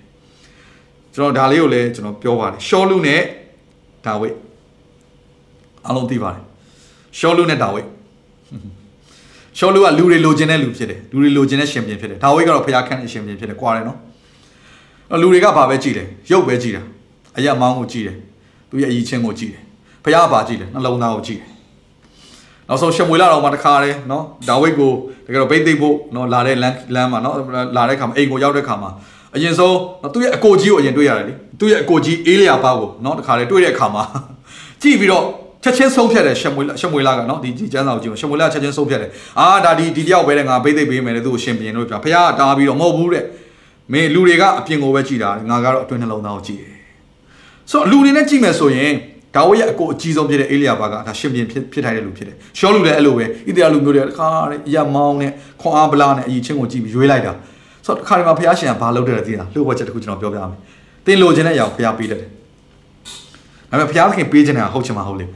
ဒါဝိရဲ့ဘက်မှာရှိတဲ့လူတွေကအကြီးချင်းမရှိတဲ့လူတွေဒါပေမဲ့ရှောလူဘက်မှာရှိတဲ့လူတွေကြတော့အရန်တော်တဲ့လူတွေစစ်တိုက်နေပြီစစ်တပ်ကြီးတစ်ခုလည်းရှိနေပြီနန်းတော်မှာနေတဲ့လူတွေ ဒါပေမဲ့ဒါဝိရဲ့ဘက်မှာဖခင်ကရှိပြီးတော့ရှောလူရဲ့ဘက်မှာဖခင်မရှိတဲ့ခါကျတော့ရှောလူနဲ့တူရက်တဲ့လူတွေဟာဖခင်သခင်နဲ့ဆန့်ကျင်ဘက်ပြုသူဖြစ်သွားတယ်နောက်ဆုံးမှာအားလုံးကရှောလူနဲ့တူတေးချေပျက်စီးသွားကြတယ်ဘာအပြစ်မှလည်းမလုပ်ဘဲနဲ့နောက်တစ်ခါဒီမှာဖခင်ရှင်ဗိတ်သိမ့်တဲ့ခေါင်းဆောင်တယောက်ကိုစိန်ခေါ်တာမှပြောနေသူ့ရဲ့တစ်ဖက်မှာသွားပြီးတော့ရက်နေမြင့်အောင်မှအကြီးကျယ်ဒုက္ခရောက်တတ်ပါတယ်ဖခင်ရှင်ကမောရှင်နဲ့အာယုံကိုဗိတ်သိမ့်ပေးထားတာလေလူတွေအားလုံးကစပြီးတော့အာယုံရဲ့အခွင့်အာဏာကိုတော်လှန်လာကြတဲ့အခါမှာဘုရားသခင်တော်ဆုံးမှာကဲ ငါဘုရားသခင်ဒီကိစ္စကိုတစ်ခါလဲရှင်းမယ်ဆိုပြီးတော့တောင်ဝေးအကုန်လုံးဣသရေလလူမျိုး၁၂မျိုးလုံးတောင်ဝေးအကုန်ယူလာခဲ့ဘယ်သူတောင်ဝေးမှာเนาะတစ်ခါလဲအညောင်းเนาะအပွင့်အပွင့်ထွက်လဲဆိုတဲ့အခါအရာကိုတစ်ခါလဲကျမ်းစာထဲမှာကျွန်တော်ဖတ်တဲ့အခါမှာနောက်ဆုံးနောက်တည့်ရောက်တဲ့အခါမှာဘာတွေ့ရလဲเนาะနောက်ဆုံးအာယုံရဲ့လန်ဒန်ဒီတောင်ဝေးတစ်ခုထဲမှာပဲเนาะဒါတောင်ဝေးဆိုတဲ့အရာကတည်နေတဲ့သစ်ပင်တစ်ခုဖြစ်တယ်ဒါပေမဲ့တည်တဲ့အရာကအသက်ရှင်ခြင်းကိုဘုရားရှင်ကဖြစ်ပွားစေဟာလေလုယာဘုရားရှင်လုပ်နိုင်ပါတယ်ဆိုတော့ဒီအရာအဖြစ်ဘုရားရှင်ကတည်ခြင်းကနေအသက်ရှင်ခြင်းဆိုတဲ့အရာအဖြစ်တက်တည်ထူတဲ့အခါမှာတခါတည်းအဲ့ချိန်ကစပြီးတော့အာယုံရဲ့ အခွင့်အာဏာတခါတည်းအတီးဖြစ်သွားတယ်။ဒါကြောင့်ကျွန်တော်ပြောပြမယ်။နော်ဒီလှန်တန်တောင်ဝေးကိုကင်ထားခြင်းဟာအခွင့်အာဏာကိုဖော်ပြနေခြင်းဖြစ်တယ်ဆိုတာနားလည်စေခြင်းနဲ့ရာဇလှန်တန်လို့ပြောရင် throne room throne room ပြင်တော်ရှိရာရက်ကိုပြောနေတာဖြစ်တယ်။ throne room မှာဘာလို့ရှိလဲ။ရှင်ဘုရင်ရှိတယ်။ဒါကြောင့်ရာဇလှန်တန်ကိုကင်ထားတဲ့လူတယောက်ဟာဘာကိုဖော်ပြနေလဲဆိုရင်ရှင်ဘုရင်ယေရှုခရစ်တော်မိမိအသက်တာတွေဖော်ပြနေတာဖြစ်တယ်။ကျွန်တော်ကျွန်တော်ကအခုဒါဒီနှုတ်ကပတ်တော်ပါ ပို့ပြီးတော့ခေါင်းဆောင်တွေအတွက်ပို့ပြီးတော့တင့်လျော်တဲ့နှုတ်ကပတ်တော်ဖြစ်မယ်လို့ကျွန်တော်ယုံကြည်တယ်။အဲကျွန်တော်တို့လည်းအရန်ကောင်းကြီးဖြစ်တဲ့နှုတ်ကပတ်တော်ဖြစ်ပါတယ်။ကျွန်တော်တို့ဘယ်အဆင့်ထိတက်လှမ်းဖို့လိုလဲ။မိမိအသက်တာကနေပြီးတော့ရှင်ဘုရင်ယေရှုခရစ်တော်ပေါ်ပြတော့ကျွန်တော်ကိုကြည့်လိုက်တာနဲ့ယေရှုကိုမြင်ရတဲ့သက်တာမျိုး။ဆိုတော့လူတွေကဖျားသခင်ကိုမြင်ဖို့ရန်ဘယ်သူကိုကြည့်ရလဲ။ယုံကြည်သူတွေကိုကြည့်ရတာ။သင်နဲ့ကျွန်တော်ကိုကြည့်ရတာ။ပို့ပြီးတော့ကြည်တဲ့ကြည်ထိုက်တဲ့လူတွေကခေါင်းဆောင်တွေဖြစ်တယ်အမှုတော်ဆောင်တွေဖြစ်တယ်။ ဆိုတော့ခေါင်းဆောင်တွေရဲ့အသက်တာတွေကနေဖခင်ကဘာကိုဖော်ပြချင်တာလဲတကိုးတစ်ခုတည်းဖော်ပြချင်တာမဟုတ်ဘူးနမိတ်လက္ခဏာတွေကိုဖော်ပြချင်တာမဟုတ်ဘူးမအဲ့ဒါတွေအလိုလိုစီးထွက်လာတဲ့အရာတွေဖြစ်တယ်ဒါပေမဲ့ဖော်ပြခြင်းဆုံးသောအရာကဘာလို့လဲယေရှုကိုဖော်ပြချင်တာယေရှုရဲ့စိတ်ရှည်ခြင်းယေရှုရဲ့မေတ္တာယေရှုရဲ့သီးခံခြင်းယေရှုရဲ့ရဲရင်ခြင်းဟာအများကြီးပဲယေရှုခရစ်တော်ရဲ့ပြည့်စုံခြင်းပမာဏစီတို့တဲ့တက်လှမ်းဖို့အသင်းတော်အသင်းတော် အသင်းတော်မှာဘုရားခေါင်းဆောင်တွေပေးထားတယ်အမှုတော်ဆောင်တွေခန့်အပ်ထားတယ်ဆိုတော့ကျွန်တော်တို့နော်ဒါဒီနေ့တော့ကျွန်တော်စံစာတွေအများကြီးနဲ့နော်ကဘာဟိုကဘာဦးကျန်နေစပြီးတော့တခါလေဓမ္မအောင်ဓမ္မသစ်ကိုချိတ်ဆက်ပြီးကျွန်တော်ပြောတဲ့အခါမှာနော်ဒါလေးတစ်ချက်လေးပြန်ပြီးတော့ဒီနှုတ်ကတော့ပြန်နားထောင်ပြီး study လုပ်ကြည့်ပါသင်တို့အကြီးကျယ်ကောင်းကြီးဖြစ်နေမယ်ခရစ်ယာန်အသက်တာခီးလန်းကိုပြောနေတာဖြစ်တယ်ဒီနှုတ်ကတော့တာမန်ယုံကြည်သူမဟုတ်တော့စစ်တရေစစ်တရေမဟုတ်တော့ရှင်ဘုရင်အအခွင့်အာဏာကိုကင်ထားတဲ့လူအဲ့တော့အဲ့လိုလူတယောက်က သူ့နှုတ်ကပြောလိုက်ပြီဆိုအကုန်ဖြစ်လာတော့တာပဲဖြစ်လာတော့တာပဲကျွန်တော်ပြောမယ်ဘုရားသခင်ခန့်အပ်ထားတဲ့မောရှေသူပြောသမျှအကုန်ဖြစ်လာတယ်မဟုတ်ဘူးလားသူလှုပ်ဆောင်သမျှအတီးဖြစ်လာတယ်မဟုတ်ဘူးလားအဲကြောင့်ကျွန်တော်တို့ကကျွန်တော်တို့နော်ကျွန်တော်ပြောပြမယ်ကျွန်တော်မြန်မာပြည်အတွက်လည်းဘာလို့လဲသိလားဘာလို့လဲအဲ့လိုဝိညာဉ်ရခေါင်းဆောင်တွေရန်လို့တယ်သူတို့နှုတ်ဆက်ဆက်ကပြောလိုက်တဲ့အရာကတော့တခါလေ release ဖြစ်သွားပြီးတော့ atmosphere တစ်ခုလုံးပြောင်းလဲလေထူးတစ်ခုလုံးပြောင်းလဲသွားပြီးတော့ ဟာတကိုးနမိတ်လက္ခဏာဆိုတာတနိုင်ငံတနိုင်ငံလုံးတိုင်းတာဖြစ်သွားပြီအစိုးရမင်းတွေရဲ့အပြောင်းလဲတွေအစတက်ရောက်တဲ့ຢာမျိုးဖြစ်သွားပြီ။အိုးမဒီဒီတိုင်းနိုင်ငံကိုချုပ်ကင်ထားဒါမှမဟုတ်မြို့ရွာတွေကိုချုပ်ကင်ထားတဲ့မာနရဲ့သူ့ရဲ့လက်နက်လက်နက်တွေအစကောင်းငင်မှာအုပ်ဆိုးခြင်းနဲ့ဒါတိုက်ခိုက်နေတဲ့ principalities တွေကအစတုံလှုပ်เสียအကြောင်းစေလွတ်တဲ့အခွင့်အာဏာဖြစ်သွားပြီ။အဲ့နိုင်ငံတနိုင်ငံကိုအုပ်ဆိုးတဲ့ရှင်ဘုရင်ကနန်းတော်မှာထိုင်နေပေမဲ့သူပြောတဲ့စကားအတီးဖြစ်သွားသလိုပဲ။သင်ဟာအဲ့ဒီရှင်ဘုရင်ဆိုတဲ့အခွင့်အာဏာနဲ့ ထိုရှင်ဘုရင်ဖြစ်ခြင်းကိုအသက်တာတွေကနေပေါ်ထုတ်နိုင်တဲ့တနေ့ကြရင်သင်ရဲ့အသက်တာမှာသင်ပြောသမျှရအောင်လို့ရှင်ဘုရင်တွေကနားထောင်ရမယ်။တိုင်းနိုင်ငံမှာအပြောင်းလဲတွေဖြစ်မယ်။နိုးထောင်မှုတွေဖြစ်မယ်။ကျွန်တော်ကျမ်းစာတစ်ပိုက်နောက်ဆုံးဖတ်ချင်ပါတယ်ဒီကျမ်းစာတော့ဟေပြခန်းကြီးတက်ငယ်ရှင်းမှာရေးထားပါတယ်။သားတော်ကိုကအိုဖျားခင်ကိုတော်ဤပလင်သည်နေဆထာဝရပလင်ဖြစ်ပါ၏။ကိုတော်ဤနိုင်ငံသည်တရားသဖြင့်စီရင်သောနိုင်ငံဖြစ်ပါ၏။မြန်မာကျမ်းစာမှာအဲ့လိုရေးထားတယ်။ ကျွန်တော်အင်္ဂလိပ်ကျမ်းစာဖတ်ချင်တယ်။မြန်မာကျမ်းစာမှာယာဇလှန်တဲ့ဆိုစကားတစ်လုံးမှမတွေ့ရဘူး။ Your throne, O God, will last forever and ever. A scepter of justice will be the scepter of your kingdom. ယာဇလှန်တဲ့အဖြစ်အဆိုးသောတိုင်းနိုင်ငံဟာတဲ့ကိုရောရဲ့နိုင်ငံတော်ဖြစ်ပါတယ်။ထိုခရစ်တော်ဒီကျွန်တော်တို့ ਨੇ အတူကျွန်တော်အသက်တာထဲမှာအုပ်ဆိုးယုံနေမကောက်ဘူး။သင်ကားနေတစ်ဆင့်တပားသူတွေအသက်တာမှာပြောင်းလဲခြင်းကောင်းကြီးမင်္ဂလာနဲ့သက်တာခြင်းကိုဖြစ်စေဖို့ရန်ဘုရားကရွေးချယ်ထားတာဖြစ်ပါတယ်။ ကျွန်တော်တို့ယုံကြည်သူတွေအပြင်ဘုရားသခင်တိုင်းနိုင်ငံမှာကြုံရတဲ့ကဲ့ယောဂဆိုးတွေဆင်းရဲမှုတွေမွဲတေမှုတွေအဆိုးရနဲ့ဆိုင်တဲ့အရာတွေယာတိဥရုနဲ့ဆိုင်တဲ့အရာတွေနော်အဲ့ဒီအရာတွေကိုပြန်ပြီးတော့အမိတ်ပေးနိုင်တဲ့အထိခွင့်အာဏာကိုဘုရားကဆွဲကင်စေခြင်းနဲ့အဲ့ဒီအဆင့်ထိတက်လှမ်းစေခြင်းနဲ့ဆိုတော့အခုလိုမျိုးဒုက္ခဆင်းရဲကြုံတဲ့အခါမှာအဲ့လိုလူမျိုးတွေဘယ်လောက်လိုအပ်လဲဆိုတာကိုထင်ထင်ရှားရှားခုမြင်ရပြီမလားဟောဒါကိုကျွန်တော်ကြည့်တဲ့အခါမှာအော်ငါတို့တိုင်းနိုင်ငံမှာလိုအပ်တဲ့ဝိညာဉ်ရေးရခေါင်းဆောင်ဆိုတာ သူပြောတဲ့စကားအတီးဖြစ်ပြီးတော့ရှင်ပြန်တွေကလည်းနားထောင်ရပြီးတော့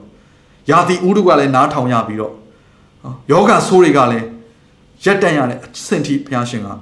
နော်အသုံးပြုနိုင်တဲ့ဝိညာဉ်ရခေါင်းဆောင်ပြုတယ်ကဘာလုံးအတိုင်းတာနဲ့လိုအပ်ပါလားဆိုတဲ့အရာတွေကိုကျွန်တော်တို့အခုနားလည်ရတယ်မုံညင်းဆက်လိုပဲစိုက်တဲ့ခါမှာသေးငယ်ပေမဲ့အစပြုတာသေးပေမဲ့အဆုံးမှာအလွန်ကြီးပွားပြီးတော့ငှက်များပင်လာရောက်နားခူရတဲ့အပင်ကြီးတစ်ခုဖြစ်ဖို့အတွက်ဘုရားရှင်သင်ကိုအထူးပဲကောင်းကြီးပေးပါစေ